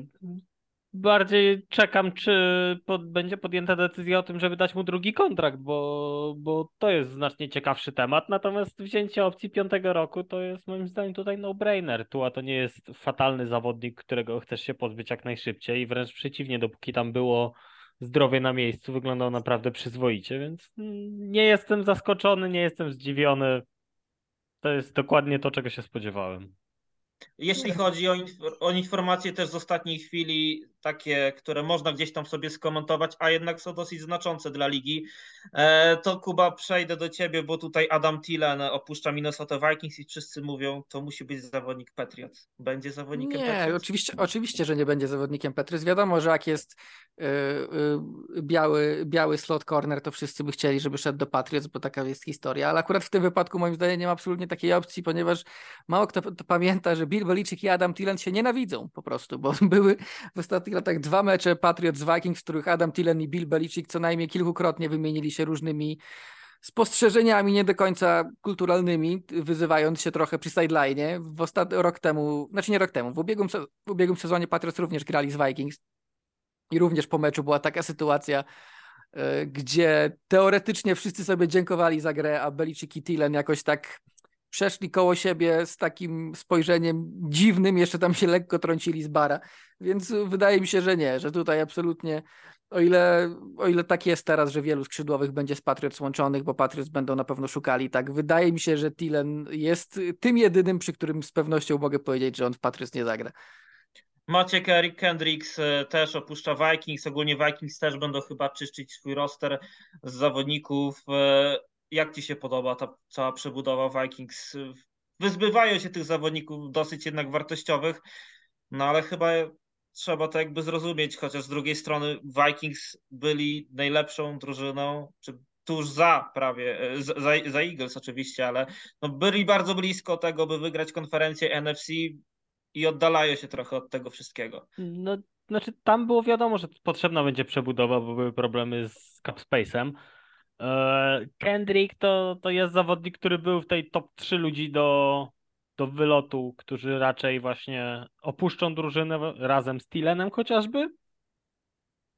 I to, to są zrozumiałe ruchy, no bo to, to są gracze, którzy młodsi się nie robią, których trzeba będzie prędzej czy później zastąpić, a póki można w jakiś sposób sobie troszeczkę kapu zwolnić, to, to, to zróbmy to. I to, to jest rozsądny ruch. Mimo wszystko bardziej mnie zaskakuje ten ruch, który był ogłoszony dzisiaj, czyli Cameron Danzler, który został zwolniony przez Vikings. Bo, bo to był człowiek, który myślałem, że że troszkę na dłużej zatrzyma się w tej drużynie i który no przede był wszystkim jest młody i na tanim, zdolnym, i na, i na tanim kontrakcie, więc no przede wszystkim jest młody i na tanim kontrakcie, więc no, to nie jest ruch na zwolnienie pieniędzy, tak jak jest w przypadku Tilana i Kendricksa i tak dalej, więc to, to jest zaskakujące. Mówi się, że za chwilę, za chwilę przyszłość da, za Dariusa Smitha, że też może być niepewna. On No tam, tam też chyba pojawiają jego cap głosy, hit że- 16 milionów, więc 15,5 Tak, przepraszam. tak. Więc też za chwilę może być pożegnane i kolejne bardzo mocne nazwisko, które osłabi Vikings. No i no właśnie, zostaną z rozgrywającym, którego robią się też dziury chyba nie do końca chcą. Znaczy, no to jest, y, mamy taki, mamy w sumie różne modele przebudowy drużyny, w sensie Vikings mówili rok temu, że oni się nie chcą przebudowywać, że to jest nie, że to nie jest przebudowa, tylko że tak, takie przemodelowanie trochę tego, co oni chcą robić, ale... mm, Competitive rebuild. Competitive rebuild, tak, dokładnie tak. Ale jednocześnie widzimy, że na przykład mamy z jednej strony Saints, którzy tych swoich e, weteranów nawet e, cały czas próbują przesuwać ich pieniądze na kolejne lata, tak, żeby móc ich utrzymać, żeby oni cały czas byli w tej drużynie.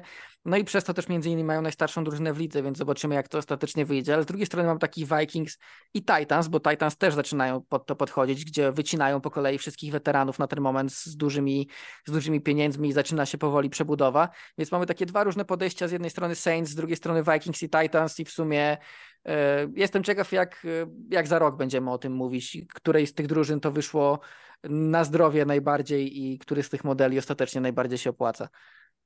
E, Hubert, e, mieliśmy pytanie od patrona dotyczące Eagles i tutaj też się fajnie wbije e, temat Sleja, bo on dostał zgodę na to, by rozmawiać z klubami w sprawie ewentualnej wymiany. E, Dostaliśmy pytanie e, od naszego patrona, co zrobią Eagles w tym postseason, bo wydaje się, że po osłabieniach w sztabie szkoleniowym nadchodzą kolejne. Czy tym razem w postaci free agency Javon Hargrave, Fletcher Cox, CJ Gardner-Johnson, mówiliśmy o nim chwilę, może jeszcze wróci, ale no na razie taga nie ma. Jensen Kelsey czy Brandon Graham. Tu akurat y, przed podcastem pojawiła się informacja, że, że Brandon dostał roczną umowę i zostaje w drużynie, no ale co z tym Eagles, no i Sleja chcecie się pozbyć, naprawdę? E, chodzi o cap hit. Tak jak mówiłem wcześniej, jak, jak jego cap chyba jest 17 milionów w tym roku, jest, to jest jego ostatni, y, ostatni rok na umowie, więc y, Eagles chcą obniżyć cap, żeby stworzyć więcej miejsca, żeby podpisać innych. No i wiesz, on powiedział na podcaście tydzień temu, że wie o tym, zdaje sobie sprawę, że, że, że jego cap jest wysoki, chce więcej pieniędzy, ale też chce y, Podobno nie cap- ma gwarantowanych pieniędzy Nie teraz ma. w tym kontrakcie i to jest największy problem jakby.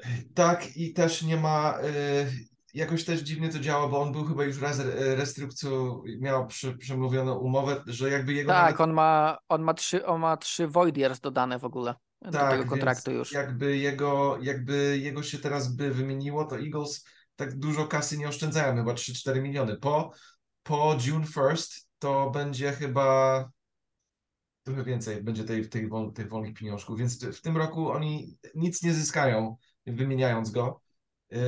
To jest tylko kwestia, żeby dali mu szansę pogadać z innymi drużynami, zobaczyć, kto mu da więcej i jak, y, jak dadzą, to do widzenia, jak nie dadzą, to raczej wróci do Eagles na, na tej umowie, która jest, albo po prostu podpisze inną, żeby, żeby sobie jakoś tam dorobić. Już ci, już ci mogę, Hubert, powiedzieć, bo mam to, na szczęście mamy takie piękne strony jak Over the Cap, gdzie można sobie to przeliczniki wszystkie sprawdzić i e, wymiana przed 1 czerwca to tylko 3 miliony 700 tysięcy oszczędności dla Eagles, ale wymiana po 1 czerwca to jest 17,5 miliona oszczędności. Mhm.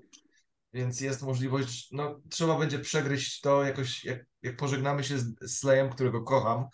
E, I tutaj nie ma żadnej złej krwi między Eagles i, i Slay, to jest czysto biznesowe.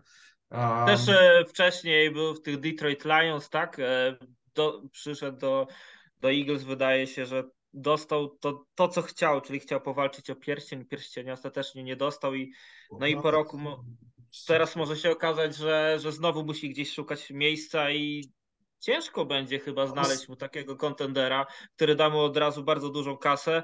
No ale właśnie Eagles wydaje się, że powinno zależeć, powinno im zależeć na to, by tego Slaya Ostatecznie utrzymać. mi się wydaje, że to jest taki rok przemeblowania na obronie w Eagles. Yy, Jak troszeczkę stworzą więcej miejsca w kapie, żeby podpisać Jalena, żeby mieć więcej kasy przysz na przyszłe lata.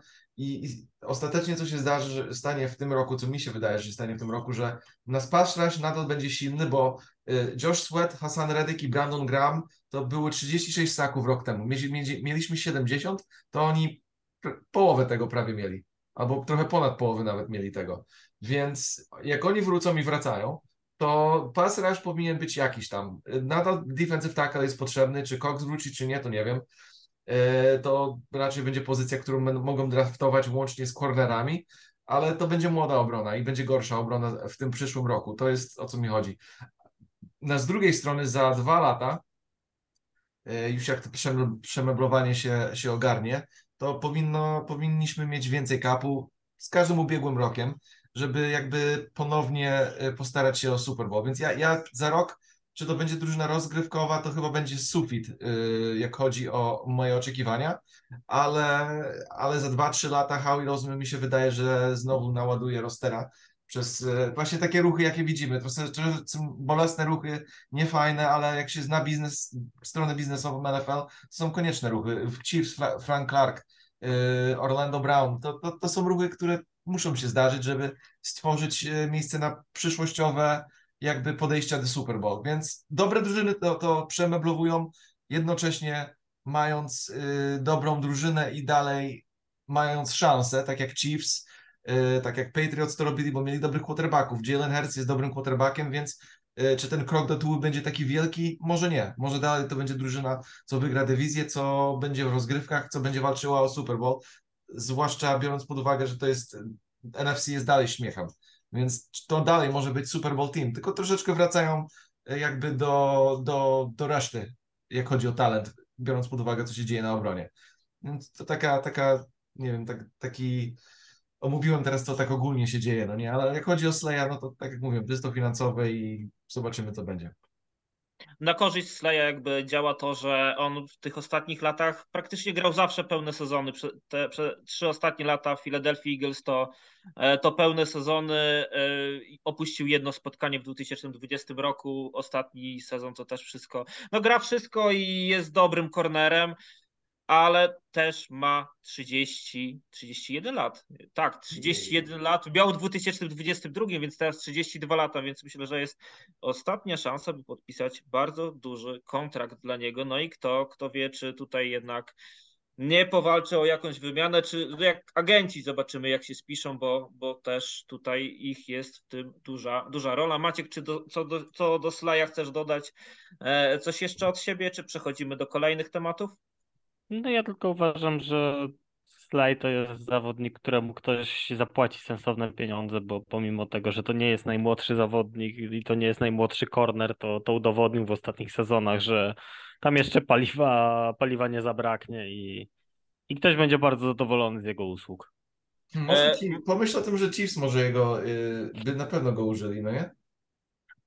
No jeżeli udałoby się Spagnolo nie zepsuć tylu lat kariery Slaya, to myślę, że tak. Czy myślę, że Slade po takim sezonie, jaki był w tamtym roku, to chyba każda drużyna w NFL by dla niego miejsce znalazła. To prawda. Nie, znaczy ja już widziałem, że Marquez Valdez-Scantling zaczął y, proces rekrutacyjny Slaya, więc...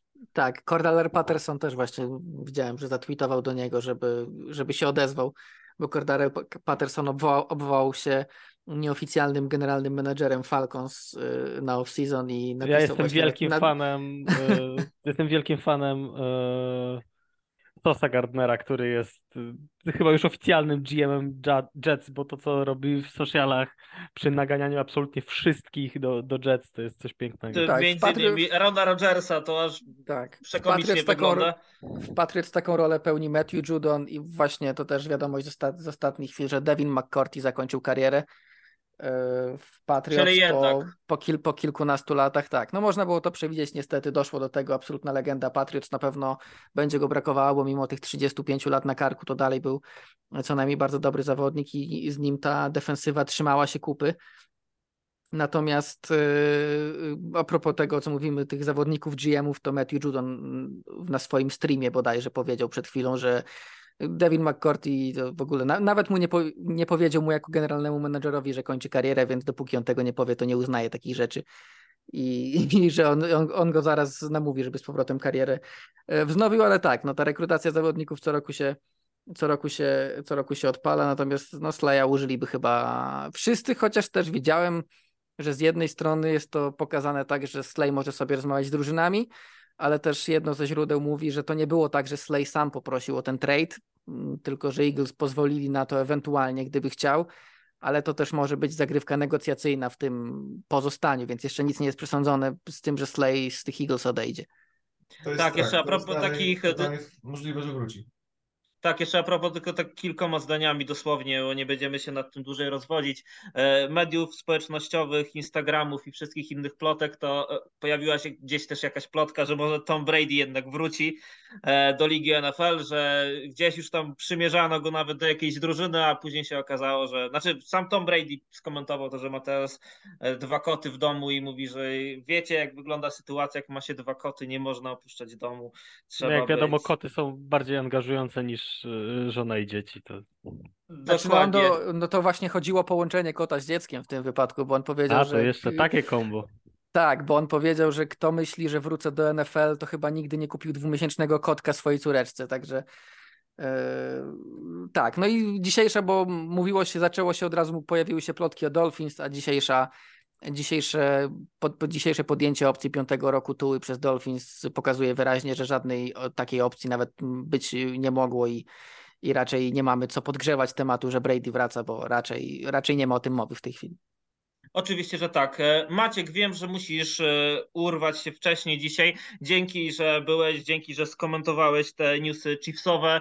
E, No i co? I zachęcamy Cię, żebyś był z nami w kolejnym podcaście, gdzie też Oczywiście. na pewno sporo, sporo pojawi się wszystkich newsów. Dzięki wielkie, że byłeś dzisiaj z nami i do następnego. Do następnego, do usłyszenia, cześć. Na razie. Panowie, przechodzimy jeszcze a propos tych nazwisk, dosyć ważnych jednak dla ligi NFL. E, Bobby Wagner i Seahawks to też związek, który chce znów być razem. Tak przynajmniej przedstawia to e, John Schneider, czyli generalny, generalny menadżer Seattle Seahawks.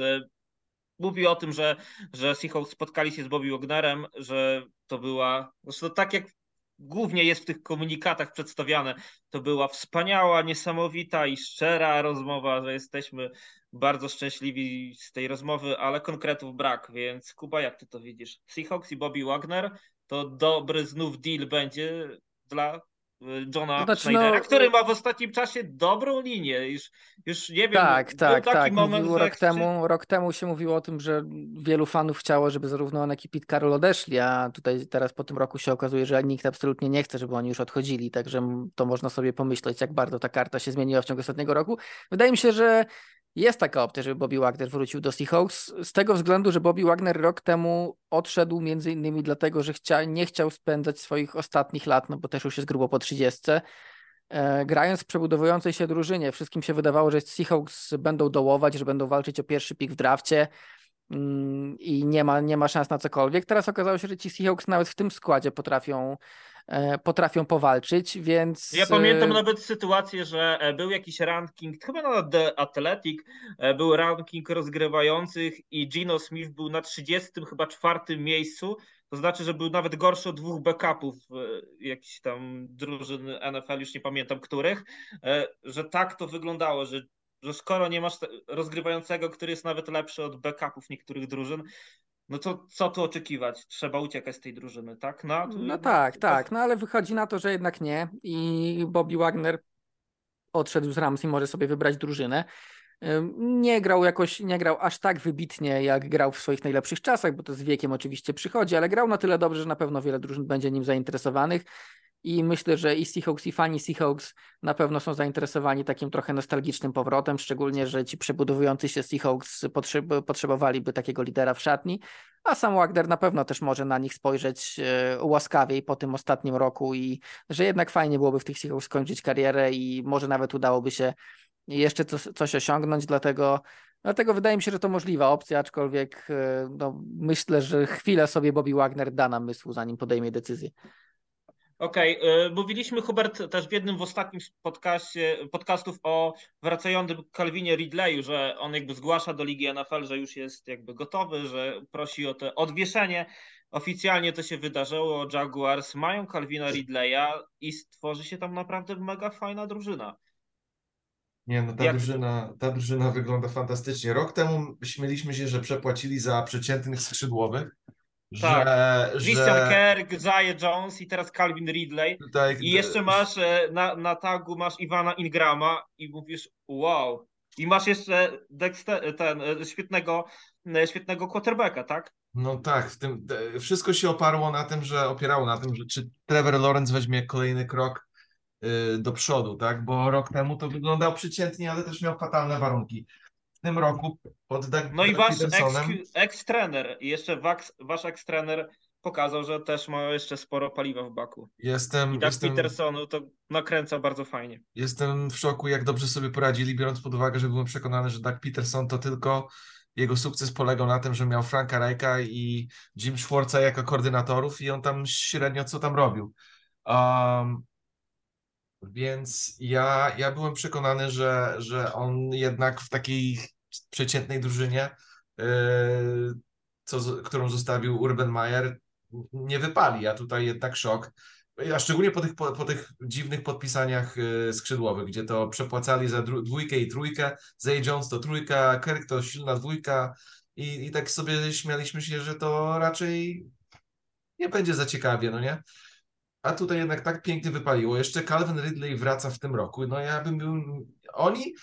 Był Iwan moment, Ingram na tagu. był, no tak, był, był moment w meczu z Chiefs, gdzie ja myślałam, że kurde, oni, oni, oni wygrają ten mecz. do, do momentu, gdzie nie było tego fumbla przez Agnu chyba, tego running backa, oni, oni prawie ten mecz chyba to był, muszę obejrzeć znowu, ale prawie remisowali ten mecz. Running backa slash skrzydłowego slash i turnera slash wszystko co możliwe. Tak, i, i on sfamblował tą piłkę znikąd. No i, i przegrali, ale to, ale to pokazuje, jak blisko ta drużyna jest do innych, więc jeszcze dodaj Calvina Ridleya, to oni mogą być bardzo, bardzo. To, to może być takie coś, że będzie to Bengals, Chiefs, Jaguars i Bills. Ja myślę, że Bills się osłabiają trochę, bo Jordan Poyer może odejść. Damian Edmunds może odejść. Jeszcze Josh Allen bez dobrego koordynatora wygląda troszeczkę jak Carson Wentz, jak się rozwalał powoli. Może nie aż tak, ale więcej głupich rzutów wykonuje. W tym roku było to. Znaczy, no nie ma, wyraźnie, wyraźnie nie ma koło siebie kogoś, kto go powstrzyma od y, takich O, rzeczy, bo O, tak często, powiedział. Często Josh Allen, Josh Allen jest nadal oczywiście świetnym rozgrywającym, ale ma takie momenty w meczu, gdzie włączają mu się, y, gdzie włącza mu się w głowie, że potrafi więcej niż potrafi, a potrafi i tak bardzo dużo, ale jemu i tak się wydaje, żeby do- dodać jeszcze więcej i z tego wychodzą jakieś głupie akcje i przez to na przykład miał bardzo dużo interception w tym roku rzuconych. Y, I wydaje się, że Brian Dable był po prostu idealnym trenerem dla niego, żeby go powstrzymywać właśnie w tych momentach, dać mu znać, żeby jednak się lekko uspokoił. Na razie, na razie y, Ken Dorsey nie ma, te- nie ma tego, nie ma tego, tej cechy. Jestem ciekaw, jak to będzie wyglądało w kolejnym sezonie, no bo jeśli się okaże, że raz, że tak jak mówisz, Bills się osłabią, bo na to na ten moment wygląda oczywiście przed nami cały off-season i e, tutaj jeszcze mogą dużo podziałać, ale w tej chwili wygląda na to, że odejdą i Jordan Poyer i być może Tremaine Edmunds. Nadal linia ofensywna nie jest najlepsza, gra, gry, biego, gry, bie- gra biegowa również, a do tego dojdzie problem w postaci relacji Josh Allen i jego play caller, no to może się okazać, że ci Bills w momencie, kiedy inne drużyny w AFC będą się rozwijać, to oni będą stać w tym samym miejscu albo nawet na troszkę niższym poziomie. Dlatego ja jestem ciekaw ich przyszłości. Szczególnie, Sam że. Maciek też wspominał o Chiefs, że tam też wcale nie musi być najbardziej łatwo. No jest Patrick Mahomes, który zawsze może zrobić wszystko. Tak, no ale- tutaj tak. Dopóki jest, dopóki jest Andy Reid, y, który, który cokolwiek by się nie działo, to z Patrykiem Mahomesem będą iść do przodu, no to trudno tu cokolwiek, e, cokolwiek innego, innego mówić. Ale Bills mogą mieć też problem we własnej dywizji, bo w tamtym roku mieliśmy namiastkę, kiedy Dolphins nam przez część sezonu, przez tą zdrową część sezonu tuły szaleli, a teraz powiedzmy, jeśli, jeśli wróci Tua do pełni zdrowia i będzie grał, jeśli Aaron Rodgers przejdzie do New York Jets, E, I jeśli ofensywa New England Patriots pod wodzą Billa O'Briana będzie wyglądała lepiej niż pod wodzą Mata Patricia, to się wydaje dość oczywiste mimo wszystko, bo gorzej Z niż ta ofensywa... rozgrywającym.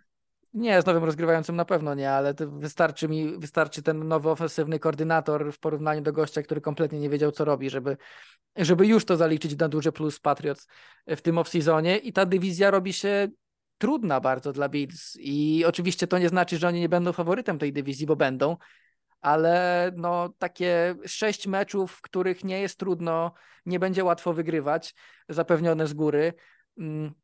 Ja mówiłem wielokrotnie i tutaj w podcaście i, i ogólnie, że Bills to, jest, to był dla Patriots przez te ostatnie dwa lata taki bardzo trudny matchup, że ja wiedziałem, że Patriots mogą powalczyć z wieloma drużynami w różnych scenariuszach, ale z Bills nie. Tymczasem okazało się, że nawet na koniec sezonu, e, gdyby nie absolutny fuck up Patriots w special teamach dwu, dwukrotny, no to ten mecz był ostatni bliski. To był mecz o coś, bo i Bills grali o coś, i Patriots grali o coś.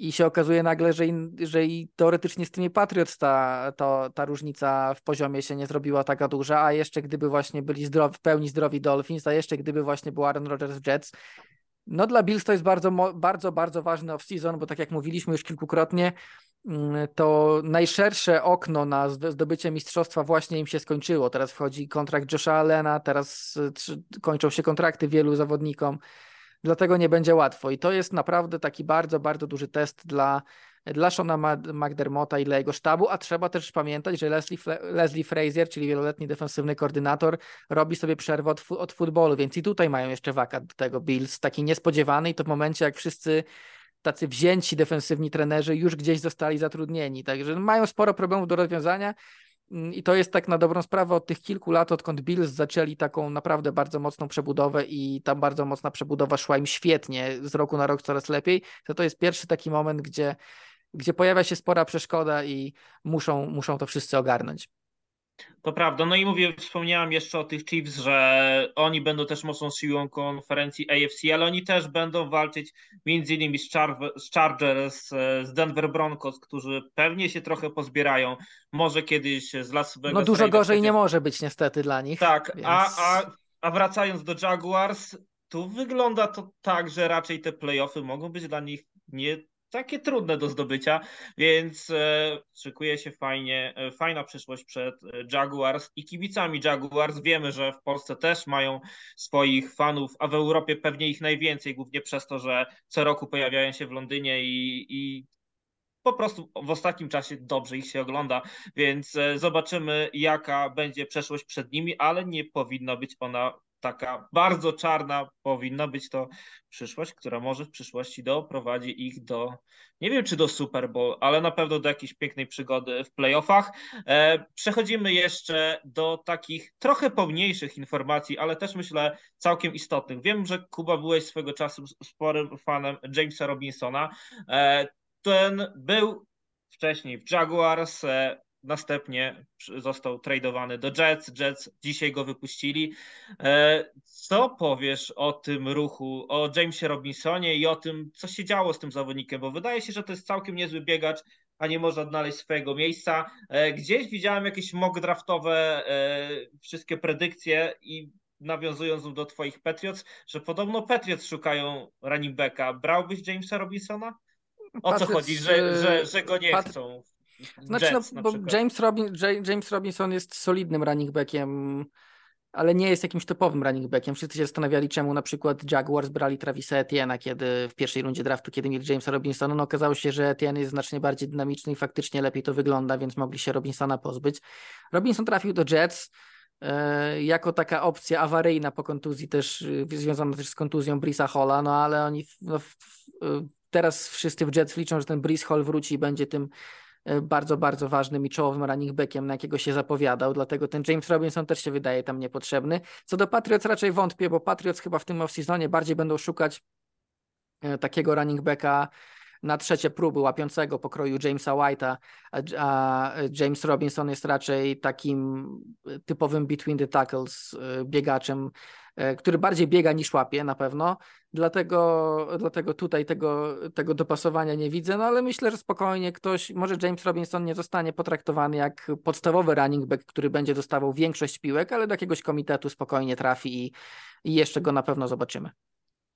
Okej, okay, e, Hubert, e, o, Odell Beckham Jr. to zawodnik, który w ostatnim czasie grał w Rams, dołączył na ten ich, e, do tego ich mistrzowskiego sezonu, ma pierścień, Wcześniej przez e, lata był zawodnikiem Giants, teraz ciągle wychodzi z kontuzji. Mówi, że jest już wszystko super, że chce wrócić do ligi NFL i, i być dostępny od pierwszego trening campu, ale drużyny nie do końca są przekonane do tego, czy ten Odell Beckham Jr.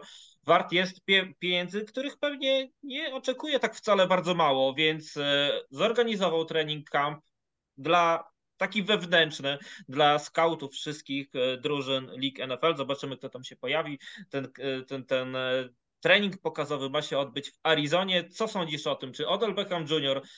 to zawodnik, którego zobaczymy szybko w lidze NFL, czy drużyny będą bać się Odela? O co, o co chodzi, że w ogóle on nie grał już w zeszłym sezonie? W zeszłym sezonie była taka akcja, gdzie Cowboys chcieli jego podpisać, ponieważ potrzebowali kogoś oprócz CD Lamba, który będzie tam groźny. Y, on miał y, jeszcze, jego kontuzja nie była do końca zagojona i chciał jeszcze podpisać umowę, ale dopiero zacząć grać w playoffach. Y, Cowboysom to się nie za bardzo podobało. Były tam różne plotki, teorie spiskowe, że jego kolano ledwo się trzyma i, i że i że on, wiesz, tylko chce kasę i, i z tego nic nie będzie. W mojej ocenie najlepsze rzecz, co się stało, jest, że właśnie z nikim nie podpisał umowę, miał cały rok do rehabilitacji, teraz w 100% wró wróci totalnymi jakby siłami. Oczywiście wszystko zależy od kasy. Jak on chce absurdalną ofertę, to nie dostanie jej. E, ale jak chce rozsądną, może rok, 5 miliona umowa z bonusami, gdzie to może dojść do powiedzmy 10 milionów, to jak najbardziej. Też czytałem jego Twitter, właśnie w trakcie tego podcastu, czy tam nie Twitter, tylko Instagram i miał ciekawy cytat, że tylko potrzebuje jeden rok, żeby zmienić swoje życie, coś takiego. Jak wskoczycie na jego Insta, to raczej już jak wysłuchacie ten podcast, to nie będziecie tego widzieli, ale, ale coś takiego było ciekawego, więc w mojej ocenie on chyba liczy się z tym, że to będzie jednoroczna umowa i znowu będzie za dwa lata miał okazję zarobić więcej. Jak pokaże w tym roku, że, że jeszcze, yy, jeszcze daje radę, no nie? Jakie drużyny jego, dalej Dallas mi się wydaje, że jest oczywistą drużyną, yy, z którą może znowić yy, gadki.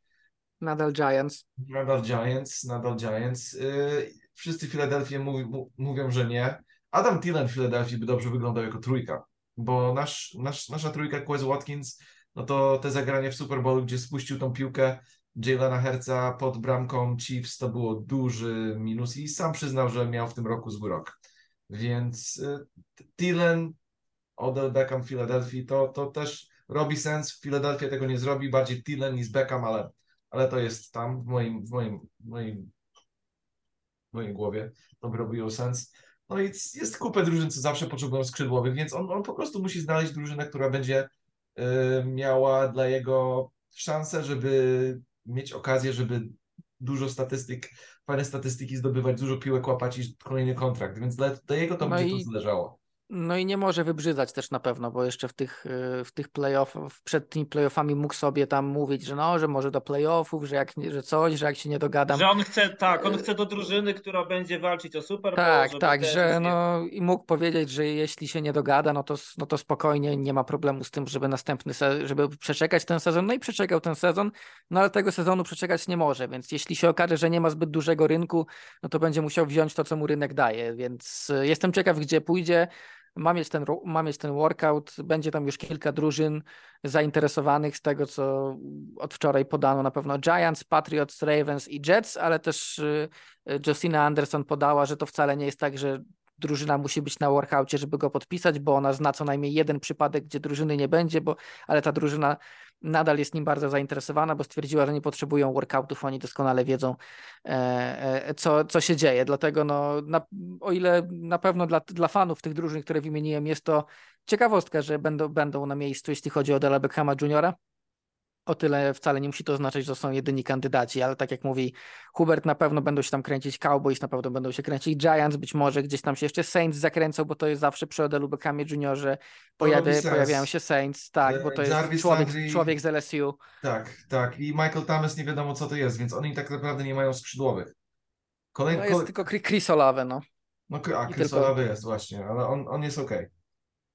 No właśnie, tak. więc zobaczymy też, y, jakie gwarancje będzie chciał Odell, bo podobno to też jest coś, co było kością niezgody już rok temu, że on chciał dosyć sporych gwarancji, a drużyny nie wierzyły, tak jak też Hubert wspominałeś, o to, że ta stabilność tego kolana Odela Bechama jest całkiem już taka zupełnie bezproblemowa, że jest wszystko super. Zobaczymy, jak będzie po tym, po tym e, workoucie. Przejdźmy jeszcze może do dwóch tematów e, na koniec tego podcastu. Dwóch tematów zgłoszonych przez naszych patronów. E, pierwszy o Chicago Bears. Czy rzeczywiście zawołują w obecnym off-season, mając pierwszy pick draftu, spory budżet? Kto mógłby tam trafić? Kto jest niezastępowalny w tej drużynie?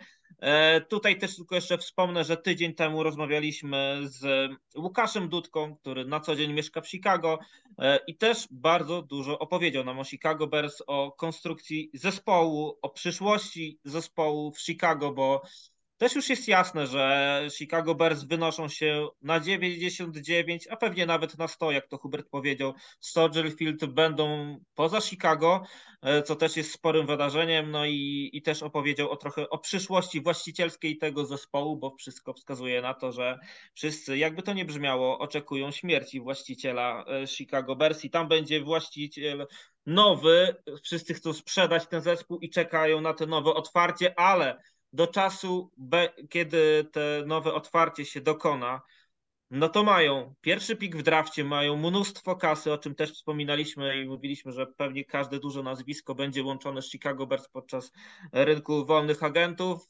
Kuba, tutaj pytanie do ciebie. Co oni zrobią z tym pierwszym pikiem i jak ty uważasz, kto jest niezastępowalny w tej drużynie? Może to za... podsumujmy to tak. Kogo na pewno chciałbyś widzieć w Chicago Bears w przyszłych latach i co z tym pierwszym pikiem? Znaczy, y, jeśli chodzi o niezastąpionych zawodników, to Bears są w takiej pozycji, że tam chyba takich nie ma. Oczywiście jest Justin Fields i Wygląda na to, że na razie Bears się do niego przywiązują, więc jeśli miałbym wskazać kogoś, to pewnie Justina Fieldsa. Są tam też kilku ciekawych młodych zawodników na ruki kontraktach. Pewnie Darnell których... Mooney to też jest no, taki zawodnik. Tak, no Darnell Mooney, Jackwan Brisker z tamtego draftu. Jest paru ciekawych zawodników, więc tych na pewno nikt stamtąd nie będzie ruszał. Natomiast y, ta drużyna potrzebuje wzmocnień na każdej pozycji. Mają ponad 100 milionów dolarów y, w cap space, a musimy też pamiętać, że jest taka zasada w NFL, że w jakimś tam, w tej chwili z głowy jej nie podam, ale w ciągu kilku lat jakiś tam procent tych pieniędzy trzeba wydać, nie można ich tak sobie składować e, i, i trzymać i trzymać, więc Bears też będą musieli te pieniądze wydawać i na pewno chcą te pieniądze wydawać, żeby wzmocnić drużynę. Mają też pierwszy pik w drafcie, który raczej na pewno zostanie wymieniony. Pytanie e, do, pytanie do kogo i za ile? Że... Tak, Łukasz nawet wspominał, że najlepiej byłoby, żeby dwa razy udało się wymienić ten pik. Jest bo... taka szansa, tak. Wszystko zależy od tego, czy Houston Texans będą chcieli na przykład zapewnić sobie jedynkę, żeby wziąć tego rozgrywającego, którego chcą, a nie żeby dać się przeskoczyć na przykład Colts, bo to by było podwójnie bolesne, jeśli chodzi o to, to, o to że są z tej samej dywizji. E, pozdrawiamy taka... z tej okazji Bradina Cooksa, który zapewnił to, że Houston Texans mają taki problem.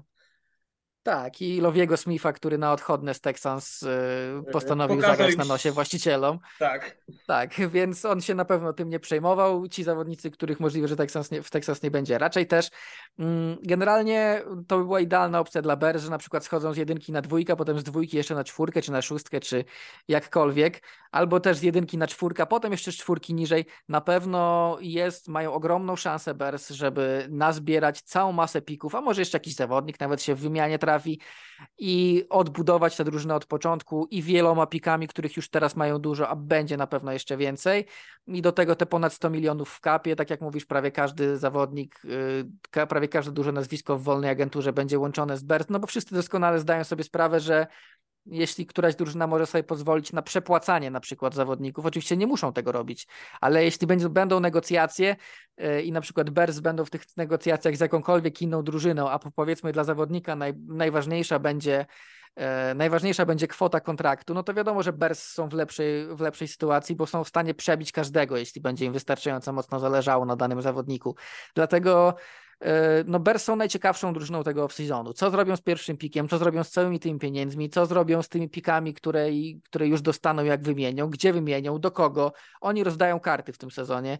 I to jest na pewno dla fanów Bears fascynujące, bo zdarzały się w poprzednich latach sezony, gdzie no, Bers nie wiadomo było, co się dzieje. Wiadomo było, że drużyna jest słaba, że nie ma bardzo opcji na, na poprawę tego, tego stanu rzeczy. Teraz są w idealnej sytuacji, żeby zacząć odbudowywać się i iść teraz wyłącznie w górę. E, jeśli chodzi o Bers, Hubert, chcesz trzy słowa dodać jeszcze? Nie, oni mają genialną sytuację, bo no genialną, biorąc pod uwagę, że w mojej ocenie mają quarterbacka przyszłości, co jest najistotniejsza rzecz, tak jak już mówiłem parę razy w tym podcaście i ogólnie to, to jest najważniejsza rzecz w, w drużynie. Jak masz quarterbacka, w którego wierzysz, to, to tak naprawdę masz wszystko, bo teraz mogą, na pewno tą, ten, tą pierwszy, ten pierwszy pyk będzie wymieniony, to chyba już jest wiadome. Yy, I tak jak Kuba mówił, może nazbierają sobie więcej, na pewno sobie nazbierają więcej pików, yy, raczej chyba dalej będą w stanie yy, zgarnąć Willa Andersona, i, i mnóstwo innych pyków, może zawodnik, tak jak Kuba mówił, i, i to jest drużyna, która jak mądrze to zrobią, y, a myślę, że mają w miarę mądrego y, GM-a. Tak, to... na razie ta przebudowa idzie całkiem nieźle. No, nawet, nawet idzie, bo w tym roku progres z, z, z Justina Fields była. Ja myślę, że, że ten... Znaczy to jest w ogóle... Oni w tym sezonie grali coraz lepiej i przegrywali, więc idealne rozwiązanie. Tak, tak dla no, to jest, tak. tak, więc wydaje mi się, że w ogóle najlepsze rozwiązanie dla Bears, tylko nie wiem, czy to się stanie w jeden off-season, czy na przykład, czy w jeden, w jeden sezon, czy w dwa sezony, no to jest to, co zrobili Eagles w tamtym off-seasonie. Tylko, że Eagles startowali z troszkę, z trosz, oczywiście z wyższego poziomu, no ale Eagles nie wiedzieli do końca, czy Jalen Hurts jest tym gościem, z którym chcą iść na długie lata, więc po prostu zbudowali mu najmocniejszą drużynę, jaką się da i stwierdzili, że jeśli sobie z tym poradzi, to zostanie. Jeśli sobie z tym nie poradzi, to zmieniamy rozgrywającego. Poradził sobie świetnie, grał na wysokim poziomie. Eagles doszli do Super Bowl i myślę, że ten albo następny sezon to jest też to, co Bears będą próbowali zrobić z Justinem Fieldsem. Mają rozgrywającego, w którego wierzą, ale nie mają absolutnie nic dookoła, więc teraz trzeba tego rozgrywającego budować i dać mu szansę się rozwijać i pokazać, że tak, jestem tym gościem, który przez najbliższe, nie wiem, 10-15 lat będzie, e, będzie wam tę drużynę prowadził. Skrzydłowi i offensive lineman, that's it. I To przede wszystkim. Mike McGlinchey jest dobry offensive tackle, e, który grał w San Francisco, biorąc pod uwagę... Znaczy ja myślę, kasy że mają. tutaj Orlando Brown na pięcioletnim kontrakcie wjeżdża i mają Chicago No jeśli Bears. o, wiemy, że, wiemy, że Orlando Brown ma, miał bardzo duże wymagania finansowe w, w stosunku do Chiefs, których Chiefs nie byli w stanie spełnić, a tutaj właśnie wjeżdżamy y, w, te, w to, co powiedziałem przed chwilą, że jeśli komuś zależy wyłącznie na pieniądzach, no to Bears są na pierwszym miejscu i Tak y, Bears są w zasadzie jedną z nielicznych, o ile nie jedyną drużyną, która spokojnie sobie może takie bardzo duże wymagania Orlando Browna spełnić i to jeszcze w ten sposób, że dużo pieniędzy im zostanie, więc nawet się jakoś mocno nie będą zastanawiać. Dlatego tak, no tak jak mówimy, każde duże nazwisko, każdy komu zależy na pieniądzach jest jednocześnie dobrym zawodnikiem, będzie łączony z Bears, no bo, bo taki mamy ten off-season i fani Bears mogą się cieszyć, że, że tak to dla nich wygląda, bo sytuacja jak na drużynę odbudowującą się jest bardzo dobra. Okej, no i ostatni temat Cincinnati Bengals. Y, mamy pytanie takie dosyć ogólne. Co tam w Cincinnati? Czy będzie walka o kolejny playoff, czy, czy skład na następny sezon nie będzie zbyt mało obiecujący? Y, I tutaj trzeba dodać, myślę, jeszcze kamyczek do ogródka, bo kontrakt nowy dla Joe Barrowa to chyba jest też to, co mówi się w tym off-season, że powinno się wydarzyć a wcale nie musi być formalnością, ale o tym, e, o tym jeszcze za momencik. Natomiast e, jeśli może Hubert, jakbyś ty mógł zacząć. Widzisz Cincinnati Bengals i myślisz sobie, ta drużyna może znaleźć się w Super Bowl? Nie, oczywiście. To, to, jest, to jest drużyna, która tak naprawdę ma y, najistotniejszych zawodników pod kontrakcie. Joe Burrow jak na pewno dostanie kasy. E, Jest Jamar Chase, jest y, T. Higgins, którego już mówili, że nie będą wymieniać. Jak chodzi o free agency, to no, trzech ważnych zawodników mają, nawet czterech, w, w, jako wolnych agent, wolnej agenturze. To jest y, Jesse Bates, Von Bell, i Eli Apple, który mimo to, że dużo gada, jakoś tam gra. Y, Hayden Hertz też dobry tight end. Ym, O, oni mają tutaj parę zawodników, których muszą jakby albo podpisać ponownie, albo y, zastąpić, więc ta drużyna będzie miała lekkie przebudowanie, ale atak będzie wyglądał jak wyglądał rok temu. Y, Oczywiście linia ofensywna cały czas jest y, kwestią do naprawienia. Ale tak, to jest drużyna, która będzie jak najbardziej w playoffach i aby nie było żadnych kontuzji dla istotnych zawodników, to powinna się fajnie rozwijać. Nie, nie widzę tutaj problemów albo powodów do pesym, pesymistycznych myśli, jak chodzi o ich rozwój.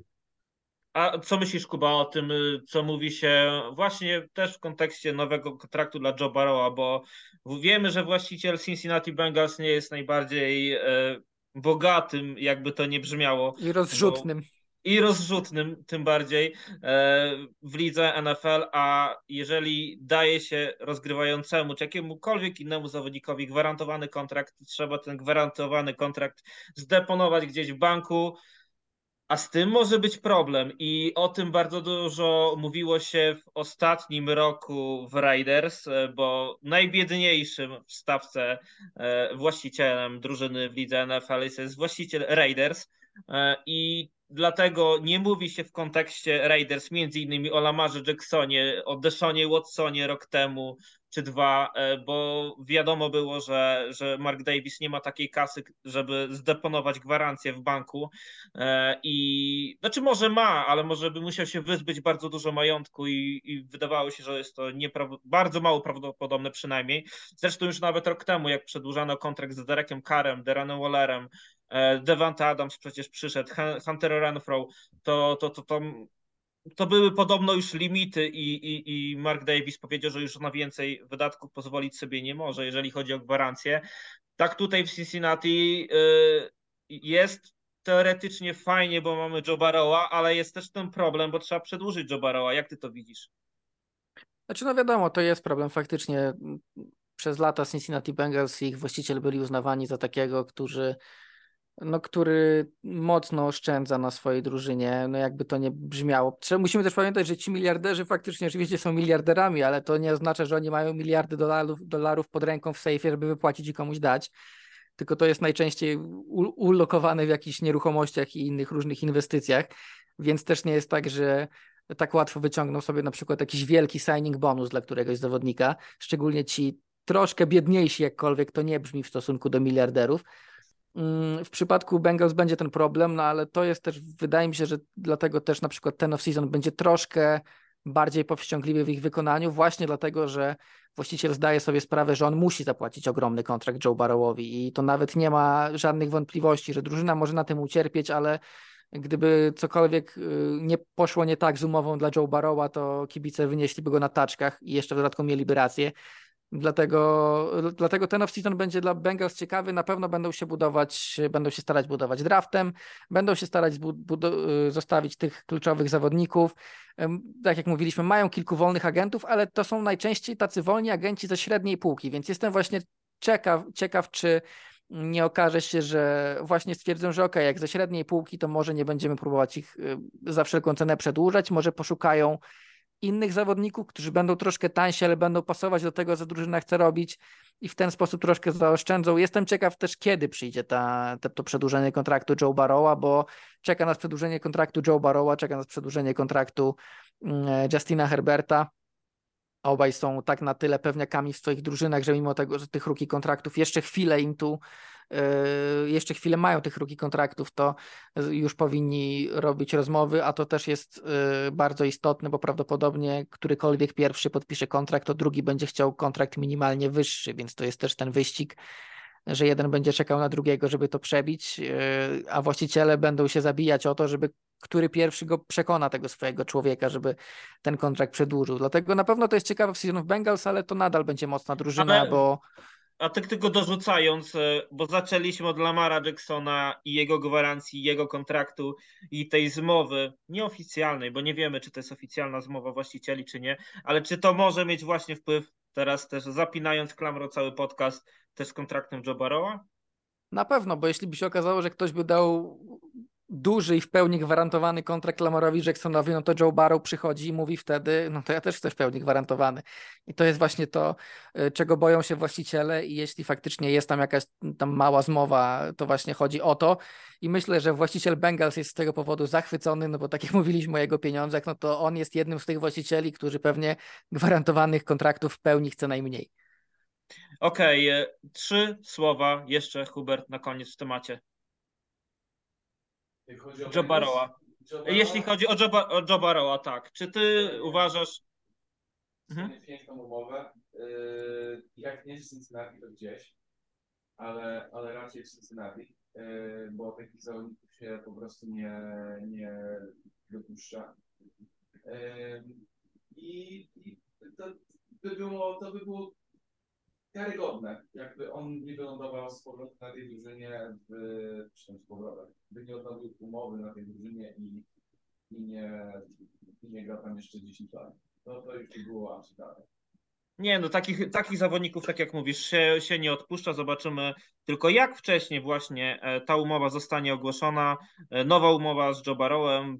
Wszyscy pewnie chcą, żeby ona była jak najszybciej, żeby przynajmniej jakieś przedłużenie o kilka lat e, zrobić z tym Joe Barrowem, później może rozbijać gdzieś ten kontrakt, żeby łatwiej było gdzieś go przetrawić, ale e, im dalej jakby idziemy w te kolejne tygodnie, nawet tego off-season, ale już w ostatnim roku też widzieliśmy to bardzo dobrze, jak świetną robotę wykonał generalny menadżer Kansas City Chiefs, podpisując Patricka Mahomesa na to dziesięcioletnią umowę, bo to z każdym tygodniem jest coraz piękniejszy deal. Maćka tutaj nie ma, ale on z pewnością był tutaj w tym momencie, bił brawo w Ja jestem pewny, że on się śmieje.